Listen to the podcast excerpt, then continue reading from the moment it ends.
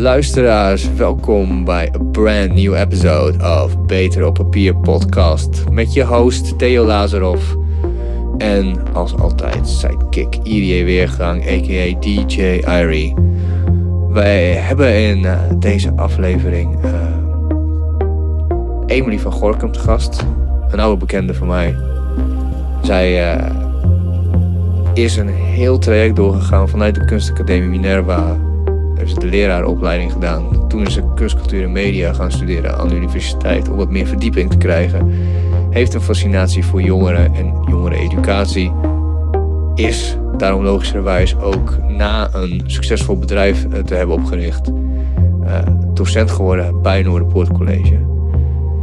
En zij is nu eindbaas bij TEDx Youth Groningen.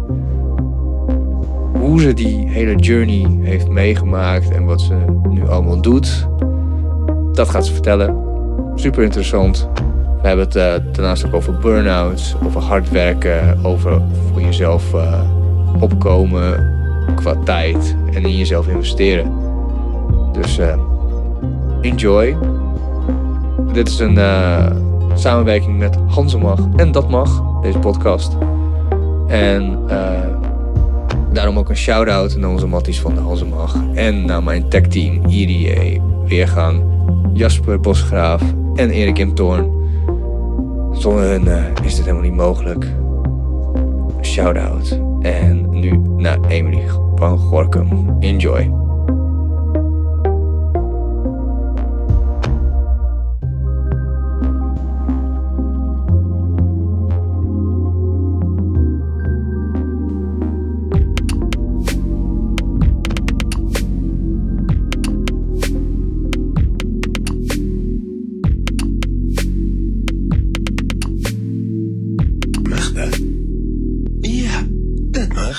Further ado, Emily van Gooikamp. Welkom in de studio. Dankjewel, dankjewel. Hoe is het met je? Ja, goed. Ja? Ja, ik heb er zin in. Ik ben benieuwd. Leuk weer kletsen, bijkletsen. Ja, dat is lang geleden. Ja. Wat, eh, je- Oké, je vertelde net ik, eh, dat, je, dat, je, dat je gestopt bent met je bedrijf. ja, gestopt is niet helemaal het goede woord. Maar ehm, ik deed geen btw-aangiftes meer, omdat ik gewoon eigenlijk niks meer ermee deed. Dus was heel slapend. En dan op een gegeven moment zegt de, Kamer van Koophandel en de Belastingdienst... je doet er heel weinig ermee. We gaan hem soort van stopzetten. Dus ik, eh, Sluimerstand. ja, dus ik sta, hij staat op sluimerstand nu. Ah ja. Ja. Maar, Vind, je, vind je het jammer? Ehm, deels, maar ik weet dat ik hem zo weer op kan eh, ontsluimeren, zeg maar, als ik, eh, als ik weer wil. Maar ik heb nu te druk met andere dingen dat ik er gewoon eigenlijk niks meer mee doe. Ja, En, wat eh, hele vet, vette dingen. Want de laatste keer dat we elkaar spraken was in eh Jimmy's. Jimmy's. Jimmy's. Ja. En dat is ook alweer een jaar geleden. Ja. En toen, eh, toen zou jij de stap gaan maken naar TEDx. Ja, ehm, ja, deed ik toen denk ik wel al. Want ik heb nu twee, twee edities gedraaid. Oké. Dus dat is net iets langer dan, twee, dan een jaar geleden. En je bent een van de eerste mensen die bij ons op dat mag in Ja, gesprek met waren. dat is lang geleden. Dat Dat, is echt- echt lang geleden. Ja, dat is echt eh, vijf, vijf en een half jaar geleden Ja. of zo. Maar misschien moet je voor de, onder mensen die luisteren, kijken, even een beetje uitleggen waar je vandaan komt. Want je bent afgestudeerd op eh, Kunstacademie Minerva. Ja, klopt. En ehm, toen ben je nog door gaan studeren. Ja, ik heb eh, Minerva gedaan en dan de docentenopleiding. Eh, omdat ik sowieso altijd heel leuk vond om met jongeren te werken. En ik dacht, nou, dit is wat ik wil doen. En toen kwam ik erachter dat dat misschien toch niet was wat ik wou doen. Eh, maar heel veel dingen daarnaast gedaan. En, eh, en ook heel veel stages gelopen en zo. En toen was ik klaar. En toen dacht ik, ja, het is leuk dat je leert hoe je docent moet zijn. Eh, maar ik wil weten waarom we het allemaal zo doen. Dus toen ben ik verder gaan studeren. Heb kunst, cultuur en media gestudeerd. Met specialisatie in kunsteducatie en kunstsociologie. Ook afgemaakt. En toen begon het balletje eigenlijk een beetje te rollen. Want eh, toen ik in, in onderzoek aan het doen was voor mijn eh, scriptie... werd ik gebeld door iemand waar ik ooit een project had gedaan tijdens de kunstacademie. ehm, bij de IMC Weekendschool. Dat is een hele... Ja, ik weet niet, ken je het? Ik ken het, ja zeker. Dat is echt, nou, voor de mensen thuis, een hele toffe plek waar eh, jongeren van groep 7, 8 en de eerste, eerste klas van de middelbare school naartoe kunnen, eh, naartoe kunnen. En het zijn jongeren uit achterstandswijken die soms wat minder voorbeelden om zich heen hebben van wat je allemaal zou kunnen worden. En die krijgen les van advocaten, van ehm, ehm, artsen, van kunstenaars. Dat deed ik toen. En ik ben daar toen blijven hangen. Eh, en ik heb een tijdje begeleiding gedaan. En ik vond het zo super tof. En degene die toen de, de baas was daar, die belde mij, eh, want die had ook een eigen bedrijf in educatieve trajecten en projecten. En die zei, ja, ik ben zwanger. en uh, ik ben op zoek naar iemand die het over kan nemen. Want ik heb drie klussen die ik kan aannemen of afwijzen. En ik wil dat jij ze overneemt. En toen dacht ik, ja, ik ben toch bijna klaar, dus waarom niet? En toen had ik opeens een eigen bedrijf. Dus dat ging toen heel snel. En het voordeel van dat ik zoveel dingen daarnaast had gedaan, naast mijn studie, was dat ik heel veel mensen kende. Dus dat balletje rolde toen opeens heel hard. Ja, ja. Want je zat toen aan de Europaweg, toch? Volgens mij. Ja, um, ja daar zijn jullie langs geweest. Daarvoor ja. uh, zaten we in de uh, Oude Ebbingenstraat. Want ik heb bij uh, een ondernemerscollectief gezeten. We hadden wel mijn eigen bedrijf, maar we zaten met zeven jonge ondernemers, allemaal uit de creatieve sector. Hoe heet dat ook alweer? Saus. Saus, ja. Ja, echt super tof collectief. Echt, ik denk er nog heel, met heel veel, heel veel blijdschap en geluk naar terug. Dat is echt super tof. En we zaten dan in een uh, grote ruimte en hadden allemaal een bureau. En iedereen had zijn eigen ding. Maar we deden ook heel veel dingen samen. En dat inspireerde onwijs. En um, wat was de vraag ook weer? Nee, gewoon. gewoon. vertel rustig verder, joh. Ja, vertel rustig verder. Dat, is dit voor. Nee, dat was heel erg tof. En, uh, en dat, uh, we hebben eerst in de nieuwe Ebbingen, nee, oude Ebbingen gezeten. Toen zijn we naar de Europaweg gegaan.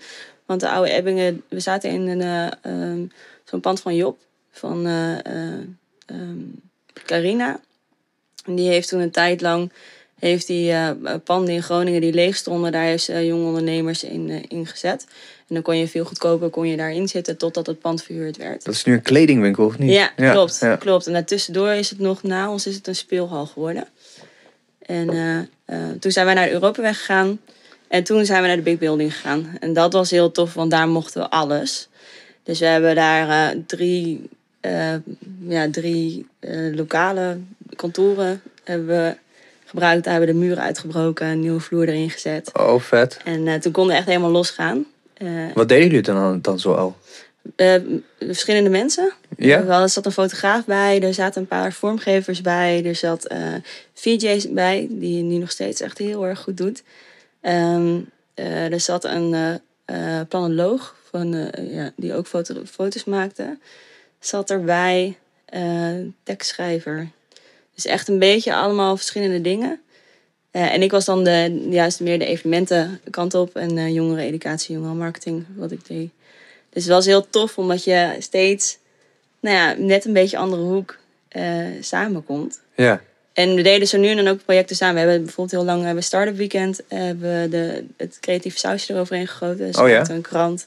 Ja, dat is heel tof. Wat, wat, wat, uh, wat dan? Wat is het creatieve sausje bij, bij de start-up? Alles is toch creatief bij Startup Weekend? Ja, nee, nee, wij hebben toen... Dat is dus niet helemaal... Niet overal zo. Je hebt echt best wel standaard Startup Weekends. En uh, Groningen is daar super goed in. En dat het een beetje anders wordt dan, uh, dan andere dingen. En wij, wij zijn toen begonnen met... Um, een krant waarin je dingen over de andere partijen kon lezen. Zeg maar andere groepen kon lezen. Maar ook, uh, we deden je spontane feestjes opeens. Uh, om je even uit, uh, uit de, de focus, focus te halen, klopt niet helemaal. Maar eventjes eruit te halen dat je de hele tijd alleen maar bezig was met dat bedrijf. Om even opnieuw te resetten, zeg maar. En ik heb nu, niet afgelopen Startup Weekend, met het daarvoor, hebben we weer een kleine reunie gehad van een paar sausjes. sausjes? Ja, sausjes. Die, uh, toen hebben we een eigen cocktailbar gehad op uh, het Startup Weekend. En niet een normale cocktailbar, maar dan een cocktailbar waarbij je eerst een enquête moest invullen. En dan werd je gekoppeld aan een soort van alter ego, iets wat bij je paste. Dan hadden we bijvoorbeeld uh, uh, Dr. Love. Ja. En, uh, en, als je die, die cocktail wou drinken, dan uh, als je daarmee gem gematcht was, dan moest je een andere Dr. Love vinden om een, samen een cocktail mee te drinken, anders kreeg je geen cocktail.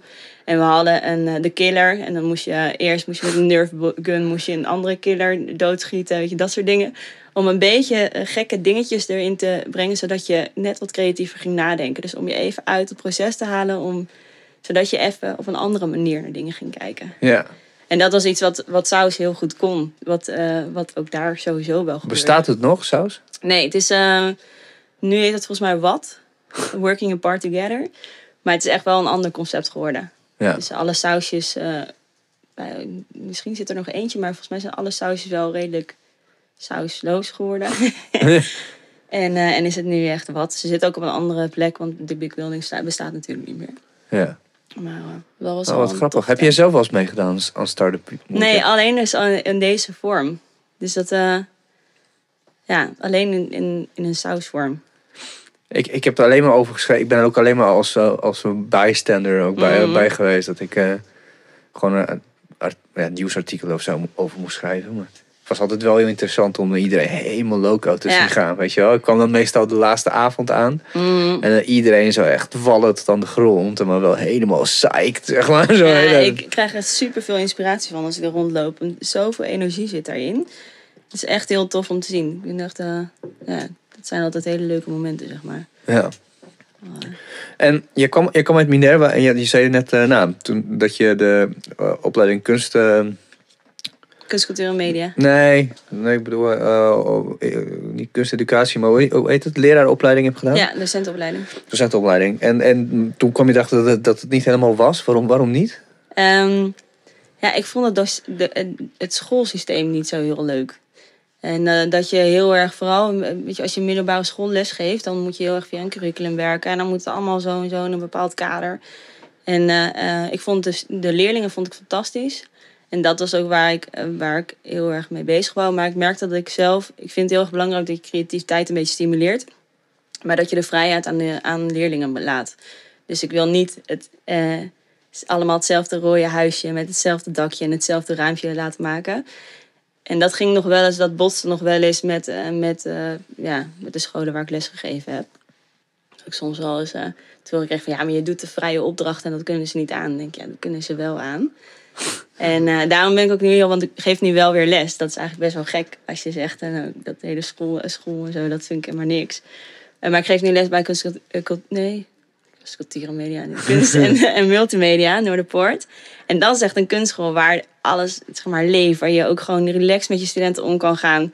Waar er niet een hele grote afstand als docent is. En, en leerlingen, ik heb op een middelbare school gewerkt, waar ze in eerste instantie mevrouw van Goorkom tegen me gingen zeggen. Nou, dan ben ik heel snel, tenminste vind ik het verschrikkelijk. Dat is mijn moeder, dat ben ik niet. En, eh, eh, en nu mag ik gewoon Emily zijn. En eh, kan ik ook gewoon relaxed met ze omgaan. En ik denk dat dat voor mij wer- werkt dat veel beter. Maar ik kan ook echt jo- jongeren op deze manier zien. In plaats van dat ik eh, alleen maar een, een curriculum er doorheen moet drukken. Ja, want ik ben ook een paar keer bij jou, heb je me uitgenodigd om een soort van eh, gastles te geven. Mhm. Dat vond ik dat, ja, in het begin denk je dan van, ah ja, leuk. En dan sta je net voor zo'n groep en dan denk je van, oeh, weet je wel, pubers. maar toch, ik ben eh, de- later dat kom je dan, je komt ze toch wel weer tegen in het veld, want ze groeien wel door, zeg maar. Dan denk je van, hé, hey, weet je wel, dan, groen- dan krijg je weer Mhm. zo'n high five dan moet je even nadenken van, oh ja, dat was jij. Super grappig, maar Ja. Ik, ik, vond, ik vond het zelf, ehm, nou, ik heb het twee keer toen bij jou gedaan. Het is best wel raar om in één keer mensen te zien kijken op een manier waarvan je weet wat ze ongeveer denken. Want je bent zelf ook Mhm. puber geweest en dat kan je gelijk herkennen. Zo. Hoe, hoe ga je daarmee om? Ja, ik vind het juist mooi. Ik vind dat heel leuk om, eh, om daarmee te spelen ook. En soms gaat het wel beter dan de andere keer. Maar ehm, ja, ik, ik ga echt met, met, eh, met ze in gesprek. En ik vind het super interessant wat er in zijn hoofd omgaat. Dus laat het me maar zien, laat me maar weten. En eh, ik vind het juist heel leuk. En wat ik, ehm, wat ik heel tof vind, is dat ik les geef over iets waar ik zelf in gewerkt heb. Dus ik kan heel veel dingen uit de praktijk kan ik aan ze meegeven. Wat het denk ik ook interessanter maakt. Dus dat, eh, ik vind het heel mooi om hun te kunnen leren wat ik al weet. En nee, echt te laten zien hoe het echt zit in plaats van hoe het in het boek staat. Want wat, wat, wat, wat is bijvoorbeeld het verschil wat, hoe, het, hoe het in het boek staat? Met, Nou heb je, heb je ja. een concreet iets? Ik geef les bij een evenementenorganisatie. En eh, eh, super toffe opleiding. En helemaal het MBO is echt super leuk daarin, omdat je heel veel in de praktijk werkt. Ehm, maar zo'n boek, eh, sommige boeken die we gebruiken, die zijn heel erg hoe het, hoe het zou in de ideale wereld zou gaan. Hoe je in de idea- ideale wereld een evenement opbouwt. Eh, maar in de ide- ideale wereld is het niet zo dat je altijd reactie krijgt van, eh, van die en die DJ die je wil boeken. Of dat die precies de prijs heeft die, eh, die jij hebt bedacht. Of dat het weer mee zit, helemaal niet in Nederland. Dus of dat er, nou ja, als je op de, op de plek zelf bent, dat er dan net die ene, ene techniekwagen toch niet is die er wel had moeten zijn. Dat zie je allemaal niet in dat boek, want dat boek is gewoon netjes opgebouwd. En eh evenementenorganisatie is echt iets wat je leert in de praktijk. En waar je ook die praktijkvoorbeelden bij nodig hebt. eh, om, om echt een goede evenementenorganisator te worden. Dus ik vind het heel tof dat wij. eh, want ik ben niet de enige bij ons op de opleiding die les geeft en die een eh, praktijkachtergrond heeft, die- die echt uit de wereld komt. Dat wij heel erg vanuit de praktijk ook kunnen vertellen: ja, zo werkt het echt. Dit is de basis, dat leer je uit het boek. En nu gaan we kijken hoe, we, hoe je daar weer in eh, ja, kan zorgen dat je flexibel kan optreden. Waar het allemaal afwijkt eigenlijk. Ja. Alles wat niet klopt. ja, en er klopt veel niet hoor. En dat is juist het toffe. Dat is ook juist het spannende van de evenementenorganisatie. maar eh, hoe, hoe reageren zij dan? Niks van hem, maar hoezo, hoezo, hoezo staat het dan in het boek dan? nou ja, nou, over het algemeen vinden ze het juist heel tof dat je dat soort dingen vertelt. En ze gaan veel op stage bij ons. Want onze studenten lopen stage bij bijvoorbeeld Eurosonic Noorderslag, bij Noorderzon, bij Bevrijdingsfestival. Dus ze zien ook heel snel al eh, ehm, hoe het in de werkelijkheid gaat. En ze lopen tegen dingen aan die jij dan weer in de lessen behandelt. Dus het werkt Oh, heel leuk. goed in, eh, Ja. het komt heel goed in balans dan. En hoe lang doe je dit al? Eh, bijna vijf jaar. Zo, dat is ook lang, hè? Ja. Ik weet nog wel dat je, dat, dat je toen zei van, ik heb een baan. Ja, vond ik heel raar. Ja. dat heb ik toen ook wel tegen jou gezegd. Ja, Een baan. Dat is gek. ja dat is ook gek. Ja. Ja, ja dat is gewoon terzijde. Ik sta misschien, misschien ook nu op zo'n punt, zeg maar, dat, dat, dat ik misschien straks een baan heb. Zeg. Maar wat was er voor jou het meest rare aan eh, van, van ondernemer overgaan naar een... Naar een baan. Ja? Vond een baan sowieso een heel vies woord. En, Naar een job. Ja, nee, job. maar ja, nee, maar ik vind het ook. Ik heb een baan. Dat vind ik echt super raar. Ehm, maar je, je, als ondernemer heb je alles in je eigen hand. En mag je gewoon zelf, je heb je best wel veel vrijheid en kan je zelf alles bepalen. En eh, het was heel gek om in een baan voor iemand te gaan werken die eigenlijk soms bepaalde wat, jij, wat jouw werkzaamheden waren. Maar ik heb er heel bewust voor gekozen, ehm, eh, omdat ik eh, in mijn bedrijf bepaalde dingen niet kon doen die ik in die baan wel kon doen. Zoals? Ehm, wat ik heel erg miste, eh, ik deed echt hele toffe projecten, maar wat ik heel erg miste was de langdurige band die je met jongeren aan kan gaan. Ik had bijvoorbeeld, ik ben heel lang programmeur en eh hoofdeducatie bij Jonge Harten geweest. En het leukste wat ik daar vond was eh, mijn jongerenteam, waar ik dan een maand of zo of twee maanden mee opschoot en dat we toffe acties bedachten. En die leerde ik echt kennen. Maar de andere jongeren, die kwamen bij mij in een theaterzaal en die gingen na een voorstelling weer weg. En daar had ik niet echt een, co- een contact mee. En op een gegeven moment dacht ik, ja, ik wil gewoon meer eh, die band opbouwen. Want daar haal ik zo ontzettend veel energie uit. En ik heb een docentenachtergrond. En stiekem vind ik het ook wel weer leuk om jonge mensen wat te leren. Dus zodoende ben ik... nee, Toen kwam toevallig die baan voorbij. En toen dacht ik, nou volgens mij moet ik er gewoon op solliciteren.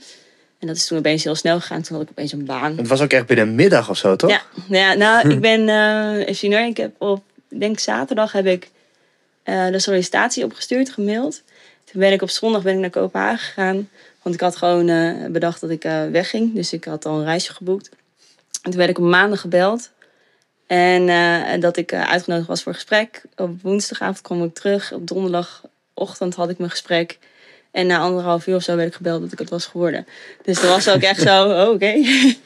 dat was wel een beetje raar. Maar, eh, maar wel heel erg cool. Het was echt heel... eh, En ik ben er ook heel erg blij mee dat ik die stap heb gezet. Dus het is echt wel...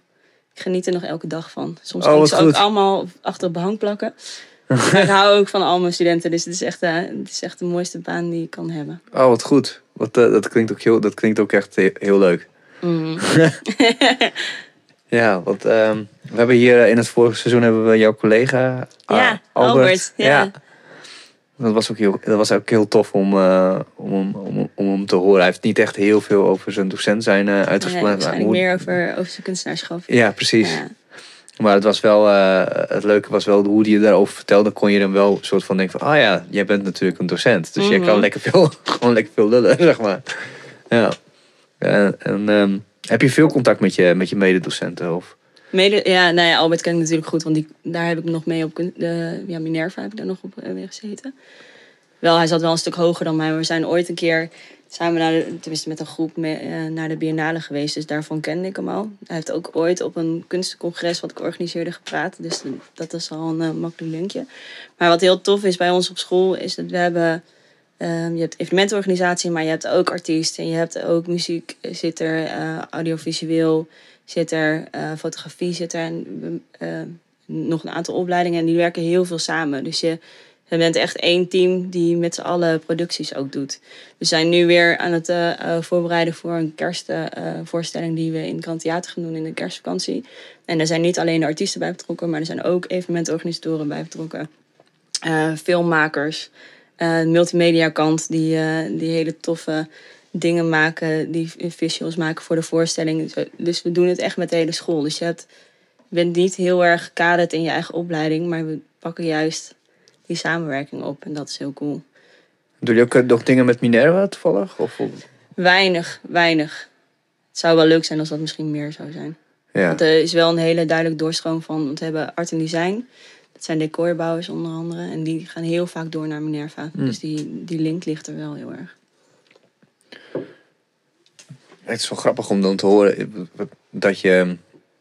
Je bent volgens mij een van de eerste die, die ik van Minerva hier heb zitten... die dan daadwerkelijk ook iets anders heeft gedaan dan kunst. Mhm. ik ben er nog wel een beetje zijdelings bij betrokken. hoor, Want ik werk natuurlijk wel op een kunstschool. Maar, eh, maar ik doe ook zelf niet. Ik noem het knutselen wat ik nog doe. En ik breng het ook niet meer naar buiten. Het is gewoon lekker voor mezelf. Maar heb jij, heb jij kunstdingen gemaakt toen? toen Destijds, eh, ja, ik heb theatervormgeving, eh, eh, had ik als specialisatie. Alleen ehm, eh, bij Minerva, dat is gelukkig nu anders. Maar ik heb in mijn eindjaar, liep ik stage in Den Haag. eh, drie tot vier dagen. En ik woonde eigenlijk nog in Groningen, maar ik eh, pendelde een beetje heen en weer.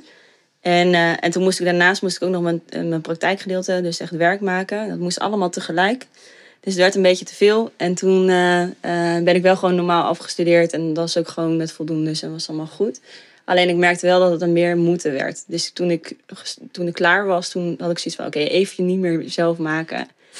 en dat heb ik eigenlijk nooit meer helemaal opgepakt. Ehm, juist omdat ik dat alles wat er omheen zit veel toffer vind. En juist faciliteren en zorgen dat andere mensen kunst kunnen maken. Andere mensen theater kunnen maken. Andere mensen toffe festivals kunnen neer... Tenminste, dat doe ik dan wel weer. Maar toffe, eh toffe muziekoptredens kunnen doen. Dat vind ik veel, veel... Daar krijg ik veel meer energie van. Als ik een festival heb georganiseerd... waar hele toffe mensen op het podium staan... waar je kunst kan zien, waar, waar films worden vertoond...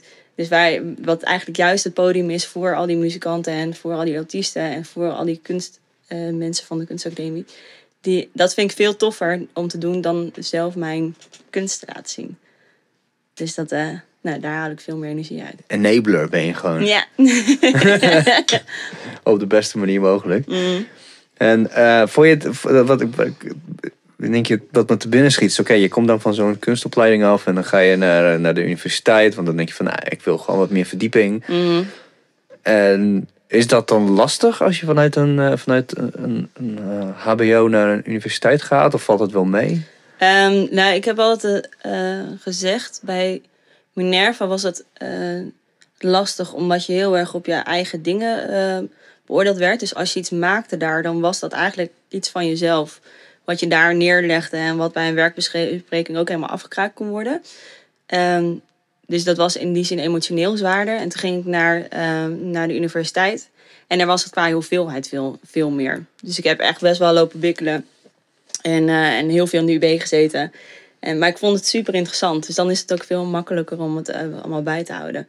Maar ik heb er wel heel veel tijd in gestopt. Ja, ja, ja ik, we kwamen nog wel, ik kan nog wel tegen nu. Mhm. ja. Ja, maar ik heb ondertussen ook een bestuurder naast gedaan. Dus dat soort dingen, dat kon ook allemaal. Dus dat is absoluut te doen. Maar je moet wel even schakelen met, met de hoeveelheid werk en, en de hoeveelheid stof die je moet, eh, ja, moet handelen. Ja. Ja, poeh. ah, Als ik er aan terugdenk, word ik al misselijk. We zijn klaar. Wat zei je? We zijn klaar. Ja, we zijn, ja, allemaal, eh, godzijdank, ja, al, al, al zeven jaar. Jij al acht, denk ik, of niet? eh, ja, acht. Ja, jeetje. Ja, het gaat snel, hè? Ja, ook wel confronterend dat. Zijn oud. Nee. Ja, Iria daarentegen. Is nog steeds lerende met de, met de spinning. Eh, wat? Ja, nee, ik ben nog wel... ga, ga je mij erbij halen? Ja, natuurlijk. Ik, denk- ik denk, je gaat beginnen over dat oud zijn en dan, weet je, dan gooi je het mijn kant. Dit, dit viel nog mee, dus ik ben een beetje Flabbergasted, hè? ja, maar je, je- toen, jij, toen jij binnenkwam, eh, toen zeiden ja, we kennen elkaar. En dat was van... eh, TEDx. Van Yes. TEDx, van de afgelopen Ja, TEDx. de afgelopen klopt. TEDx Youth. Ja, Ja. En toen had ik een tekstje voor eh, Facebook geschreven. Toen zei je van ja, ik ben geen programmeur bij TEDx. Ik ben gewoon de eindbaas. Ja. ja, inmiddels wel, ja. Ja. Hoe is dat gegaan? Ehm, eh, nou, ik werkte bij Jimmy's. Eh, die hele toffe plek voor jongeren. Waar je het ook al over had. Nog steeds. Hele toffe plek. En ehm, ehm, nee, die werd heel erg betrokken bij TEDx sowieso. Bij TEDx Youth dan. En ehm, mijn voorganger die zat ook al in het team. En die deed dan het jongerenpanel. En zo ben ik er een beetje bij betrokken geraakt. En vorig jaar heb ik eh, voornamelijk productie gedaan daar. Dat zit heel erg in mijn straatje als, eh, als evenementorganisator. En toen eh, stapte de vorige eindbaas, deed een stapje naar achteren. En toen gebeurde het eigenlijk een beetje dat ik opeens de eindbaas werd. En dat vond ik eigenlijk wel heel tof. Dus toen had ik opeens een heel vet team onder me. Heb je dan ook zo'n TEDx ketting om? Zo, Ja, zo'n Zo gouden. Zo'n burgemeesterketting. Ja, precies. nee, nee. En ik vind het ook best wel... Ik, ik vind het altijd moeilijk om een beetje te pochen ermee. Maar eh, ik doe altijd een beetje... ben inderdaad een beetje de baas. Eh, maar, eh, want ik vind dat we het met z'n allen doen. Ik vind dat we het met, als team doen. Dat vind ik ook het tof aan, eh, aan TEDx, eh TEDx Youth. Dat we... Weet je, het zijn allemaal vrijwilligers eh, die er super veel tijd in steken en die er super veel energie uit halen. En we maken het echt met z'n allen en dat vind ik heel cool. En eh, ik leer ook van iedereen superveel. En, eh, want je hebt zoveel verschillende mensen daar zitten die allemaal een eigen expertise meenemen. Dat het heel erg tof is om daar een beetje de leiding over te hebben. Ja, wat cool. Want hoe, hoe ben je dat... Je, bent via Jimmy's erin gerold? Ja. Ja, en toen gewoon één keer meegedraaid, één jaar. En toen ja, dus vooral productie gedaan. En toen was ik eh, production manager. En, eh, en toen het jaar daarna gelijk, eh, gelijk doorgestroomd. En toen, ik heb dus dit afgelopen jaar hebben we ook ehm, samen met iemand anders uit mijn team hebben we heel veel mensen benaderd. En gekeken wie er geschikt was voor het programma. Het programma samengesteld. En dat soort dingen. Dus wat er op het podium stond, was ook echt wel een stukje van mij, zeg maar. Dat is heel cool om te zien dat dat dan werkt. En dat het dan goed in elkaar valt en goed valt bij het publiek.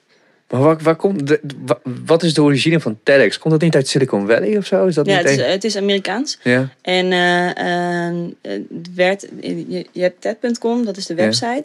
En daar werden al die filmpjes op geplaatst. En eh TEDx staat voor, eh, voor een, ja, de, de event, zeg maar. En die worden door allemaal organisaties die zeg maar, plaatselijk zijn, lokaal zijn, worden die, worden die georganiseerd. Dus wij zijn één zo'n organisatie. En je, wij moesten ook echt bij TEDx Amerika eh, moet je dan een aanvraag doen. Mogen we alsjeblieft hier een TED-event organiseren? Dus er wordt ook echt ehm, vanuit Amerika krijg je feedback op je aanvraag en krijgt te horen of het wel of niet mag. Ehm, en dan moet je ook alles naartoe sturen daarna. Dus zij eh, krijgen ook onze filmpjes, kijken ook of zij het goed genoeg vinden of we het volgend jaar weer mogen doen. Dus dat Oh, gaat wow. echt best wel, eh, best wel heavy is het. Ik dacht juist van die lui die hebben een soort van concept neergezet. En dat is... eh, dan zijn ze nu gewoon heel eh laks, zeg maar, een beetje mee aan het strooien of nee, zo. Dat, nee, absoluut niet. Nee, het, is echt, eh, het zijn allemaal regels die, je die je moet naleven als je een TEDx-event. Want wat was de slogan ook? TED, TED Talks Worth... Word, eh, IDs word spre- Oh, spreading. ideas worth spreading, ja. Ja. Ja, dat, concept is natuurlijk ook super tof. Niet langer dan 20 minuten, toch? Eh, ja, maar wij doen eh, eh, niet langer dan 10 minuten. Oh ja. Omdat, je, omdat we een jongere versie doen. En als je 20 minuten iemand op het podium zet, dan ben je echt gaar. dus dat wil je niet. Dat wordt ook een heel saai verhaal. En ik vind het ook mooier om echt bij die kern te blijven. En, en als je het in 10 minuten propt, dan moet je ook echt alleen maar de kern vertellen. Dus dat, maar je hebt in, op de site heb je wel talks ook van 20 minuten. De TEDx Adult is... Die is langer, ja. Ja, en ik ben zelfs, want ik eh, ga dan ook wel zelf naar andere TEDx-events. Ik ben wel bij TEDx-evenementen geweest waar ze dachten dat het ongeveer 20 minuten zou zijn. En dat er dan iemand bij zat die vijf- 45 minuten aan het praten was. nou, de helft, de helft van de zaal lag te slapen. Dus dat, dat zie je ook wel dat dat niet zo heel goed werkt. En dat vind ik wel nou, tof dat het gewoon kort maar wel krachtig is. Ja, moeilijk, moeilijk. En het is wel ook heel handig als je bijvoorbeeld eh, ergens op moet voorbereiden of zo. Dat is een van de beste tutorials eigenlijk. Ja. Ja, we hebben ook, want eh, je je gaat niet zomaar een TED-talk geven. Je krijgt echt coaching van maanden. Oh, we hebben ook wow, professionele TED- eh, TED-coaches die, eh, die aan ons gebonden zijn. Die, dat, die echt eh, mensen onder hun hoede nemen. En die dan helemaal de talk gaan, eh, dus het verhaal gaan uitpluizen. En kijken wat, wat moet je nou wel vertellen, op welke manier moet je het vertellen. Dus het is niet zomaar dat je daar kan gaan staan en dat je je verhaaltje kan doen en dan weer kan gaan zitten. Daar zit echt maanden voorbereiding in. Wow, dat had ik echt niet verwacht. Nee, het is echt wel een... eh, Heb je zelf wel eens een TED ook gegeven? Nee, nee. En ik eh, heb wel deze keer op het podium gestaan om het bedankwoordje te doen. En dan word ik heel ongemakkelijk. Hoe kan dat? Je bent docent, je staat alleen maar voor de klas. ja, maar ik vind dat toch spannender of zo. Ik ben, weet je, als ik docent ben, dan heb ik het over wat ik heel erg goed kan en, eh, en nou ja, wat, ik, wat ik weet. En als ik daar sta, dan staan er allemaal ogen naar me te kijken en denk ik, ik sta liever hier achter de schermen om alles te regelen dan dat ik hier nu een heel verhaal ga houden. Want welke gasten hebben jullie bijvoorbeeld gehad waar je een beetje trots op was? eh, of een beetje waar je trots, op bent? Ik ben trots op ze allemaal. Ik vind het echt, ik heb eh, vooral dit jaar, eh, vorig jaar trouwens ook, maar dit jaar had ik eh, de opening werd gedaan door Mohammed. Dat is een, eh, ook een collega van, eh, van mij van Noorderpoort. En dat is een jongen die uit Syrië gevlucht is, daar acht keer over gedaan heeft om als bootvluchteling hier te komen. Wow. En die is, eh, dat is vijf, vier jaar geleden. Misschien lig ik nu, misschien zelfs minder. En die, ehm, eh, die heeft in, eh, heeft in, de, in het AZC heeft hij een koor opgericht samen met anderen om Nederlands te leren. En daar treden ze nu mee op. Eh, ze zijn ook bij Hollands Got Talent geweest. Echt? En hij is dus gewoon docent eh, Engels eh, fulltime bij ons op Noorderpoort geworden. Hoe oud is die jongen dan? eh, mijn leeftijd. Oh, oké. Dus, het is eh, niet... Het is niet een, eh, ja, het is een vrij jonge jongen nog. Ja. Maar niet, niet ja, ik dacht 12 of zo. Nee, nee, nee, nee, nee, nee, echt wel ouder. Maar, eh, maar die, ehm, eh, die heeft dus zijn verhaal gedaan, maar ook hoe dat is gegaan met, met die vlucht. En ook hoe die dat dan opgebouwd heeft en eh, hoe die dat het koor ingegaan is. Dat ze Nederland iets moois terug wouden geven en wouden laten zien dat niet alle vluchtelingen slecht waren. Maar, en dat het ook voor hun een manier was om contact te maken met Nederlanders. En dan eh, vertelt hij daarover, dat is sowieso een emo- emotioneel verhaal. En daarna hadden we, want we hadden eh, overlegd dat het koor ook kon, eh, kon komen. En die hebben toen Mag ik dan bij jou in het Nederlands gezongen en in het Arabisch en in het Engels. Wat, hoe? Welk nummer? Mag ik dan bij jou? En dat gaat dus over als de oorlog komt, mag ik dan bij jou? Oh, is Marco Borsato? Of is het? Denk ik. Zou best wel eens kunnen. Weet ik eigenlijk niet.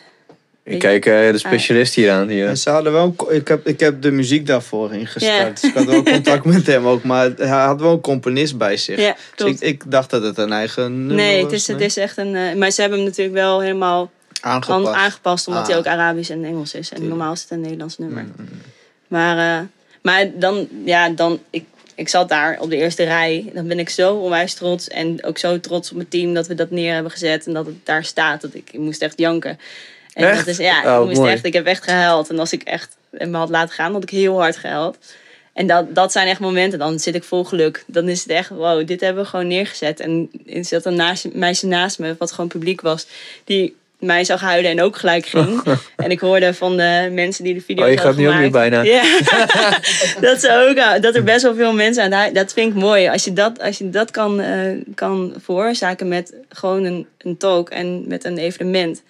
Dat je daarmee zulke mens- mensen op die manier kan inspireren, dat is gaaf. En zo waren elke, eh, elke spreker had iets waar ik heel trots op was dat ze daar stonden. En dat vond ik heel gaaf om te zien. Noem nog eens een paar, ik ben wel benieuwd. nu. Eh, Tessa eh, Hesseling, die, heeft, die komt van Minerva, is een student van Minerva. En die heeft een bandje ehm, eh, bedacht, een festivalbandje waar eh, zaadjes in zitten. oh, ik en heb die, ervan eh, gehoord. Ja. Ja, die heeft bij, eh, voor eh, Paradigm heeft ze de Ja. artiestenbandjes gemaakt. En dat is een heel klein idee geweest eh, voor een vak waar ze eigenlijk niet zo zin in had. Hm. En die heeft uiteindelijk heeft ze dat super uitgebreid. En die, dat, dat idee ligt nu bij Dutch Band. En die heeft zelf niet door hoe tof ze wel niet is. En, eh, en hoe knap het wel niet is wat ze doet. Dus die stond echt op het podium. En die heeft een aantal keer gezegd... Ik weet ook niet zo goed waarom ik hier gevraagd heb. Terwijl ik heel erg goed weet waarom ik haar gevraagd heb. En dat vind ik juist heel tof. Omdat, de, omdat ze zelf nog niet eh doorheeft hoe goed ze wel niet is. ja. Ehm, we hebben Danny, Danny Jager gehad. Dat is een jongen die misschien ken je die ook wel. Die eh, ehm, heeft een ongeluk gehad. En die is verlamd eh, van zijn nou midden naar beneden. Hij heeft toen te horen gekregen dat hij nooit meer kon lopen. Van een dokter. Die heeft gewoon gezegd, ja, jij gaat gewoon nooit meer lopen. En hij had zoiets van, nou, ik ga, ik ga wel lopen. En eh, die heeft toen een revalidatieproces de- meegemaakt. Hij kan nu nog steeds niet op, eh, op ja, eigenhandig lopen. Maar hij heeft een exoskelet waarmee hij de laatste keer de femel, een deel van de femel heeft gelopen. Oh, ik heb hier wel eens wel iets over gelezen volgens mij. Ja, dus hij heeft, dat was echt de dag voor TEDx. Het was super Spannend tof. Dat voor het- hem. ja, ook, en het was voor ons ook heel spannend of hij het zou halen. Want ook al had hij het niet gehaald, had hij gewoon zijn tak mogen doen, was het nog steeds zo'n mooi verhaal geweest. ja. Maar je gunt het iemand zo dat hij eh, dat, het, dat kan, zeg maar. Maar hoe ziet dat, het hoe ziet dat eruit dan? Ja, hij zit in een soort van groot skelet. Dus eh, ehm, hij wordt ondersteund door dat skelet, daar loopt hij mee. En het is niet zo dat je zo snel kan lopen zoals wij dat kunnen. Het is ook echt super fysiek, super zwaar. Maar zijn skelet eh, neemt een deel van je functies van je benen over. Huh. En hij heeft dus verteld hoe dat dan, hoe dat dan dat hele proces is gegaan. Van het moment dat hij eh, hoorde, jij kan nooit meer lopen. En dan die vechtlust die erin zit van ik ga wel lopen. En hoe dat hele proces is gegaan. Ehm, en dat is heel tof om te horen. Want dat is super inspirerend natuurlijk voor, voor ons allemaal. Ja, dan is al, al jouw problemen Van in het niet. vallen in het niets met Ja. zoiets. Ja, en Ja. dat wil je ook juist, want wij programmeren natuurlijk specifiek op jongeren. Dat wil je juist ook jongeren laten zien. Dat je, maakt niet uit welk, wie er zegt dat je iets niet kan. Als jij vindt dat je het wel kan, dan kan je daar ook heel hard voor vechten. En laat je niet beperken door, door iemand die dat zegt dat je het niet kan. Ja. Dat is gewoon gaaf. Hoezo is eh Irie nog niet bij jullie op het podium geweest dan? Ja, die is er wel geweest, maar die heeft nog niet gepraat. Maar die heeft wel zijn muziek laten horen. Ja, ik heb er toen opgetreden inderdaad. Mhm. Een soort de intro en de outro. eh, ja, heb ik toen gedaan. Met een, een- ja, eh hoe heet ze ook weer? Cynthia. Ja, En, eh, en hoe heet de beatbox ook weer? Weet je, dat weet je ook niet zo. Ja, dat was ik Jawel, ook jongen, weet wel, jongen. Ah, shit, echt een aardige dude, maar ik ben echt slecht. Heet hij Regen? Nee, wel zoiets. Oh, wat Ah, erg. Ja, maar anyway, ja, dus we hebben ja, een soort intro ervoor gemaakt. En de outro ook, geloof ik, toen. Ja. En, En tussendoor ook nog een keer, want toen gingen ze dansen. ja, precies, maar dat, ging, eh, dat ging vrij spontaan ja, dat was echt super tof. Ja, En ja. dat vind ik ook dan weer zo cool, dat dat gebeurde. Want ze hadden zoiets van, ja, ik ga dansen. Ik zei, oh shit. Als, ja, ik ga scratchen dan. Hij zei, ja, is goed. Ik zei, dus toen gingen we maar, weet je wel. Dus dat was ook... Oh, je bent een beetje aan het improviseren gewoon op podium. Ja, ja, ja. Vet. Ja, dat kan. eh. En ik heb ook een keer een, eh, voor, voor eh, de grote mensen TED, zeg maar. Ja. Heb ik een keer een videoset gedaan ook. Eh, Stad Schouwburg. Mhm, Maar daar, daar herken ik heel goed in. Want ik had dus, dus een meeting met eh, Melissa. mhm. Eh, dat is de big American boss die in Groningen woont, zeg maar. Oh, wow. En eh, dus ik had, ik had net weer een Nederlands kampioenschap gewonnen. Dus ik had zoiets van, ja, daar wil ik wel over vertellen. Weet je hoe, je, dat- weet je hoe ik dat allemaal heb gedaan? En hij zei, uh-uh. dat, nee, dat, dat wist ik dus ook niet. Ik had het echt, heb, ik had dat echt moeten pitchen, blijkbaar achteraf gezien. Zo van, van joh, maar dit is wat ik wil doen. En ik, met voorbeelden al. Maar ik had zo van, nou, weet je wel, ik, ja, ik, ik heb wel een soort ideetje. Weet je? Ah, jij- jij, dacht van, ik doe jullie een plezier als ik dat, eh, als ik nee, dat, eh, nee, dat doen of niet. zo? Nee, maar ze vroeg, wat wil je doen? Nou, ik zei, nou, dat wil ik graag doen. Ik wil het daarover hebben. En ook inderdaad het idee van inspireren, weet je wel. Van, nou, je kan doen wat je wil doen. En, eh, maar ja, moet je wel hard voor werken, weet je wel. Bij, ongeveer die insteek zo. En ja, toen kwam ze inderdaad van, ja, nou ja, nee, ja, dat. Ja, dat is niet wat wij willen dat je doet, weet je. En Jij- toen dacht ik ook, oh, heftig hoor. En eh, Mhm. toen was, er- was echt, kwam dat, dat tijd, dat komt zeg maar je leven binnen.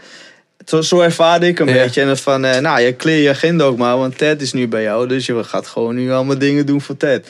Oh, wow. Echt? Ja, maar ik zeg, ja, maar ik, ja, ik heb die tijd eigenlijk helemaal niet. Ja, maar volgende week hebben we een meeting en dan moet je dit en dat al af hebben. Dit. ik zeg, yo, ik heb dit, ja, van mijn tweede kind was dat net of zo, weet je. Ik zeg, ja, ik ben helemaal daddy en zo. Ik kan niet zomaar eh, weg. Shut the zo. fuck up, bitch. Ja, dus dat vond ik wel intens eigenlijk. Maar Ik snap het wel, ze gaan wel voor kwaliteit, zeg Ja. maar. Ja. Oh, wow. Dat is echt compleet anders dan ik had... eh, dan Nee, ik- het is echt niet zomaar, ik ga even op, eh, op het podium staan en ik verhaal, vertel een verhaaltje. En wat we ook heel veel hebben, wat ik dan heel veel krijg, is mailtjes eh, van mensen die zeggen: Ik heb op mijn bucketlist staan dat ik eh, graag een TED-talk wil geven, of dat ik een TED-talk wil geven. En dat zijn vaak gewoon de verhalen die heel erg uit ego ontstaan. Dus ik wil op het podium staan en daarom heb ik eh, bedacht dat ik een verhaaltje wil vertellen. En dat is niet waar je naar op zoek bent. Je wil echt mensen die, misschien zoals Tessa, die niet eens doorheeft hoe tof haar idee is. En hoe groot dat wel niet nu al is en wat dat gaat worden. Die mensen wil je op het podium hebben staan. eh, die eh, niet vanuit ego aan het vertellen zijn hoe goed ze Maar vanuit zijn. passie echt. Precies. Ja. Ik, een van mijn allereerste TED Talks die ik ooit heb gezien is, was dat van Tony Robbins. En ik, ik wist niet helemaal niet wie die gast was. En hij zat echt zo van, ja, 20 minuten. Ik heb echt, eh, ik normaal gesproken kan mijn gelul echt 48 uur doorgaan, zeg maar. dus ik zat echt zo bij mezelf, wie is die dude, weet je wel? en zo, zo doe er gewoon een beetje op, op, eh, op doorgelopen. Maar ik heb heel veel mensen ontdekt via, via TED. Dus het was ook echt een... eh, to- toen ik zag dat het in Groningen was, dacht ik, oké, het, is nu, het is nu gewoon verneukt. Ze, ze verspreiden dat concept, iedereen kan het een beetje soort van doen en zo. ja, nee, dat kan dus Nee. niet. Nee. Waar, waar staat TED voor dan? Ehm, Oeh. ja, er zit educatie in. Eh, technologie, educatie en ehm, design, denk ik. Ik ben er niet op vast. Maar het, het heeft een aantal, je hebt een aantal onderwerpen waar, je, eh, waar TED Talks in, eh, in komen. Er zit heel veel innovatie in, heel veel ideeën, creativiteit. Maar het zit op, echt op techn- technologie, educatie en, eh, en ontwerpen van dingen, dus design. Maar als de toelating zeg maar, tot zo'n talk zeg maar, sowieso extreem is, hoe was het voor jou om daarbij te komen als je daarvoor werkt? Hoe, hoe... Ja, dat is dus om. Ja, hoe was het? Dat is eigenlijk een soort van ontstaan of zo. Het is niet zo dat er een hele heftige aan, aan de poort een hele echte eh, eh, heftige sollicitatie zit of zo. Ja. Je, je rolt daar ook een beetje in. En ik moet wel zeggen dat wij echt wel iets minder strak en heftig zijn dan de, dan de grote TEDx van Groningen. Maar, maar we vragen wel iets van onze sprekers. Want we zeggen, zetten er een coach op. En dat zijn coaches die normaal best wel veel geld kosten. Die echt met jou aan de gang willen en daar echt hun, hun vrije tijd in steken. Dus daar ja, verwachten we ook wel iets voor terug. Ben je wel eens bij zo'n coaching sessie geweest? Om te kijken hoe, wat er gebeurt? Eh, nee, ehm, dat klinkt heel gek, maar dat laat ik heel erg aan hun over. Want ik vind dat als ik daar mee ga mengen, dan lijkt het net alsof ik aan het controleren ben. Terwijl ik juist wil dat het een proces is wat zij doen. We hebben wel ehm, eh, altijd eh, oefensessies. Waarbij, zij, eh, waarbij alle sprekers langskomen en wij als team er zitten. En dan gaan ze hun, hun eh, talk gaan ze op ons eh, uitproberen en op de andere sprekers. En daar zitten ook de sprekerscoaches bij, dus die kunnen daar dan ook op reageren. En wij kunnen er- erop reageren. Dus dat maak ik wel mee. Maar het proces van de talk zelf eh, laat ik heel erg juist bij hun. Omdat het dan veilig is, want dan doe je met z'n tweeën. En dan, als je er klaar voor bent, dan kan je het verder delen. En dat zie ik dan op zo'n, bij zo'n oefensessie. Ja, heftig. Echt, Eh, even tussendoor, er kwam een vraag van iemand die jij misschien kent, denk Ah. ik. Eh, Mustafa Bal. Ja. ja? Eh, is Moesie. ach- Ja, Moesie. Kom op. hij vraagt, eh, wat vraagt hij? Eh, ja, je staat voor de klas en je geeft les aan jonge en dynamische geesten. Geef je ook les aan hem dan ook? Nee, Oh, dat zag ik. Nee, ken, ken je elkaar niet van Startup Weekend? Ja, precies. Hou je docent, hou, houd je docentenrol op na de bel of gids je studenten ook in je eigen tijd? ja, gaat gewoon door. Wat gewoon door. Ja. Ik ben nu ook Ik les aan het geven, Ik een beetje nu ook, stiekem. ik heb het niet verteld, maar anders dan zouden ze daar waarschijnlijk aan het luisteren zijn. nu. Oh ja, had dat dan gezegd? Ja. Dan hadden we tenminste... Ja, dat is wel 100 goed om kijkers. nee, ja, nee, gaat, gaat wel door. Ik moet wel zeggen, ik heb wel een werktelefoon nu. Eh, Sinds dat ik bij Jimmy's heb gewerkt, eh, heb ik een werktelefoon genomen. Omdat het gewoon net iets eh chiller is dat niet iedereen je privénummer heeft. Eh, en dat je hem ook zo nu en dan uit kan zetten. Dat is ook gewoon zelfbescherming. Eh, maar nee, dat gaat gewoon door. En ik vind dat ook belangrijk, want ik vind dat ze altijd wel bij me terecht kunnen, moeten kunnen. Het- Ik sta niet alleen maar voor de klas en dat is dan eh, wat ik doe. Ik ben ook bijvoorbeeld mentor.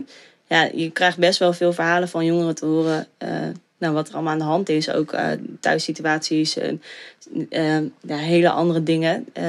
Want je bent niet alleen maar les aan het geven, dat, dat ene stukje van hun les aan het geven, maar je geeft mensen les. Dus dat alle stukjes van dat mens eh, mogen bij mij terechtkomen. Dat vind ik ook het toffe. Dat vind ik ook juist het hele mooie aan, aan docent zijn en een mentor zijn. Dat je ze echt helpt met ontwikkelen. En niet alleen maar ze iets leert, maar dat het verder gaat dan dat. Dus eh, nee, dat houdt niet op. Nee, precies. Hoe, ver kun je, hoe, ver, hoe ver kun je dan gaan als, als, als ja, leerkracht, zeg maar? In principe, als, ik kan me voorstellen, ja, ik weet niet of het gebeurd is, maar er komen er wel mensen met hele privé dingen Ja. aan dat je dan denkt van oeh, hier moet ik echt ingrijpen. En hoe ver mag dat ingrijpen gaan eigenlijk? Nee, het hangt een beetje vanaf. Ik zeg wel altijd, ik ben geen psycholoog of zo. Dus eh, ehm, ik verwijs altijd door naar een huisarts. En eh, naar, eh, als ik denk dat iemand echt hulp nodig heeft of andere hulp. Ik zeg, het kan heel goed een luisterend oor zijn Maar als het echt problemen zijn die groter zijn dan dat, dan hebben ze echt andere hulp nodig. Maar ik ben wel een soort van vertrouwenspersoon daarin. En eh, ik heb ook wel eens eh, de, nee, de- echt heftige dingen maak je ook wel eens mee. Die heb ik ook wel met Jimmy's wel, wel meegemaakt van mensen die bijvoorbeeld zelfmoord willen plegen. Ja, dan ga je daar toch wel een beetje anders mee om. En dan wil ik niet alleen maar die, die verantwoordelijkheid ligt niet alleen maar bij mij. Dus dan ga je wel verder kijken, oké, hoe kunnen we jou helpen? Maar ik vind het ook wel belangrijk dat de regie daar dan altijd bij de jongeren zelf ligt. Dus die weet precies wat ik aan het doen ben. Dus als ik er hulp bij betrek, dan eh, worden ze daar ook in meegenomen, zodat ze daar ook achter staan. Ja, want eh, we hebben het heel even kort over eh, Jimmy's gehad, maar dat Mhm. is dan. eh, is dat ook een soort van franchise? Of wat, hoe, hoe Mm. zit dat eigenlijk in elkaar? Dat is een jongerencentrum. Ja, het is een, een plek voor en door jongeren. Het is eigenlijk een soort van jongereninformatiewinkel waar al, alle jongeren binnen kunnen stappen. En met alle ideeën en- en vragen die ze hebben. Hij is ooit ontstaan in Groningen. En hij is nu zit hij op verschillende plekken door heel Nederland. Maar het is ook echt een Gronings ding. Ja, het is hier echt begonnen. Wie heeft het opgericht? Eh Marloes Dekkers, Fanny Koen, Koers en... Zij, is, zij Eh. was toch wethouder of niet? Nee, Elroy Efting heeft het ook gedaan. Die Ja. zit nog steeds bij, bij Jimmy's Groningen. Nee, maar Loes is, ja, heeft trouwens wel in de raad gezeten ook. Maar zij heeft het vanuit de MJD, heeft zij, eh, is het ooit begonnen. Het idee. En toen heeft ze Fanny en Elroy er heel snel bij betrokken. En zij zijn het verder gaan uitwerken. Ze hebben het neergezet. En Fanny en Marloes die zijn verder gegaan. Die hebben het concept Jimmy's meegekregen om te ondernemen. En die hebben nu op de was. Dus die zetten ook eh, Jimmy's verder uit door heel Nederland. Want er was wel eentje in Assen en dacht ik. Eh, nee, Assen niet. Ehm, er zit eentje in Emmen. eh, in Winschoten. Appingedam. Leeuwarden zit er één. Eh, er zit er één. zat er één in Nijmegen. Er zit er één in Borculo. In ehm, eh, Borculo. En nog eentje daar dichtbij. Waar ik zelfs deze zomer geweest ben. Dat zou ik moeten weten. ik zou niet eens weten waar Borculo ligt, Ja, joh. echt de krochten van, eh, van Nederland. Eh dus echt wel veel verschillende plekken. En ook zowel in de stad als in, eh, als in kleine dorpjes. Dus het zijn, elke eh, Jimmy's wordt gemaakt met de jongeren die daar zijn. Dus elke Jimmy's heeft ook een eigen- eigen identiteit. Het is eigenlijk een soort van keethuis. Ja, maar het is wel... Want als je zegt jongerencentrum, dan doet het eigenlijk... Een, dat is eigenlijk te min eh, voor wat het daadwerkelijk is. Omdat eh, er... Dan, dan lijkt het alsof je er ook gewoon kan gaan zitten en kan gaan chillen.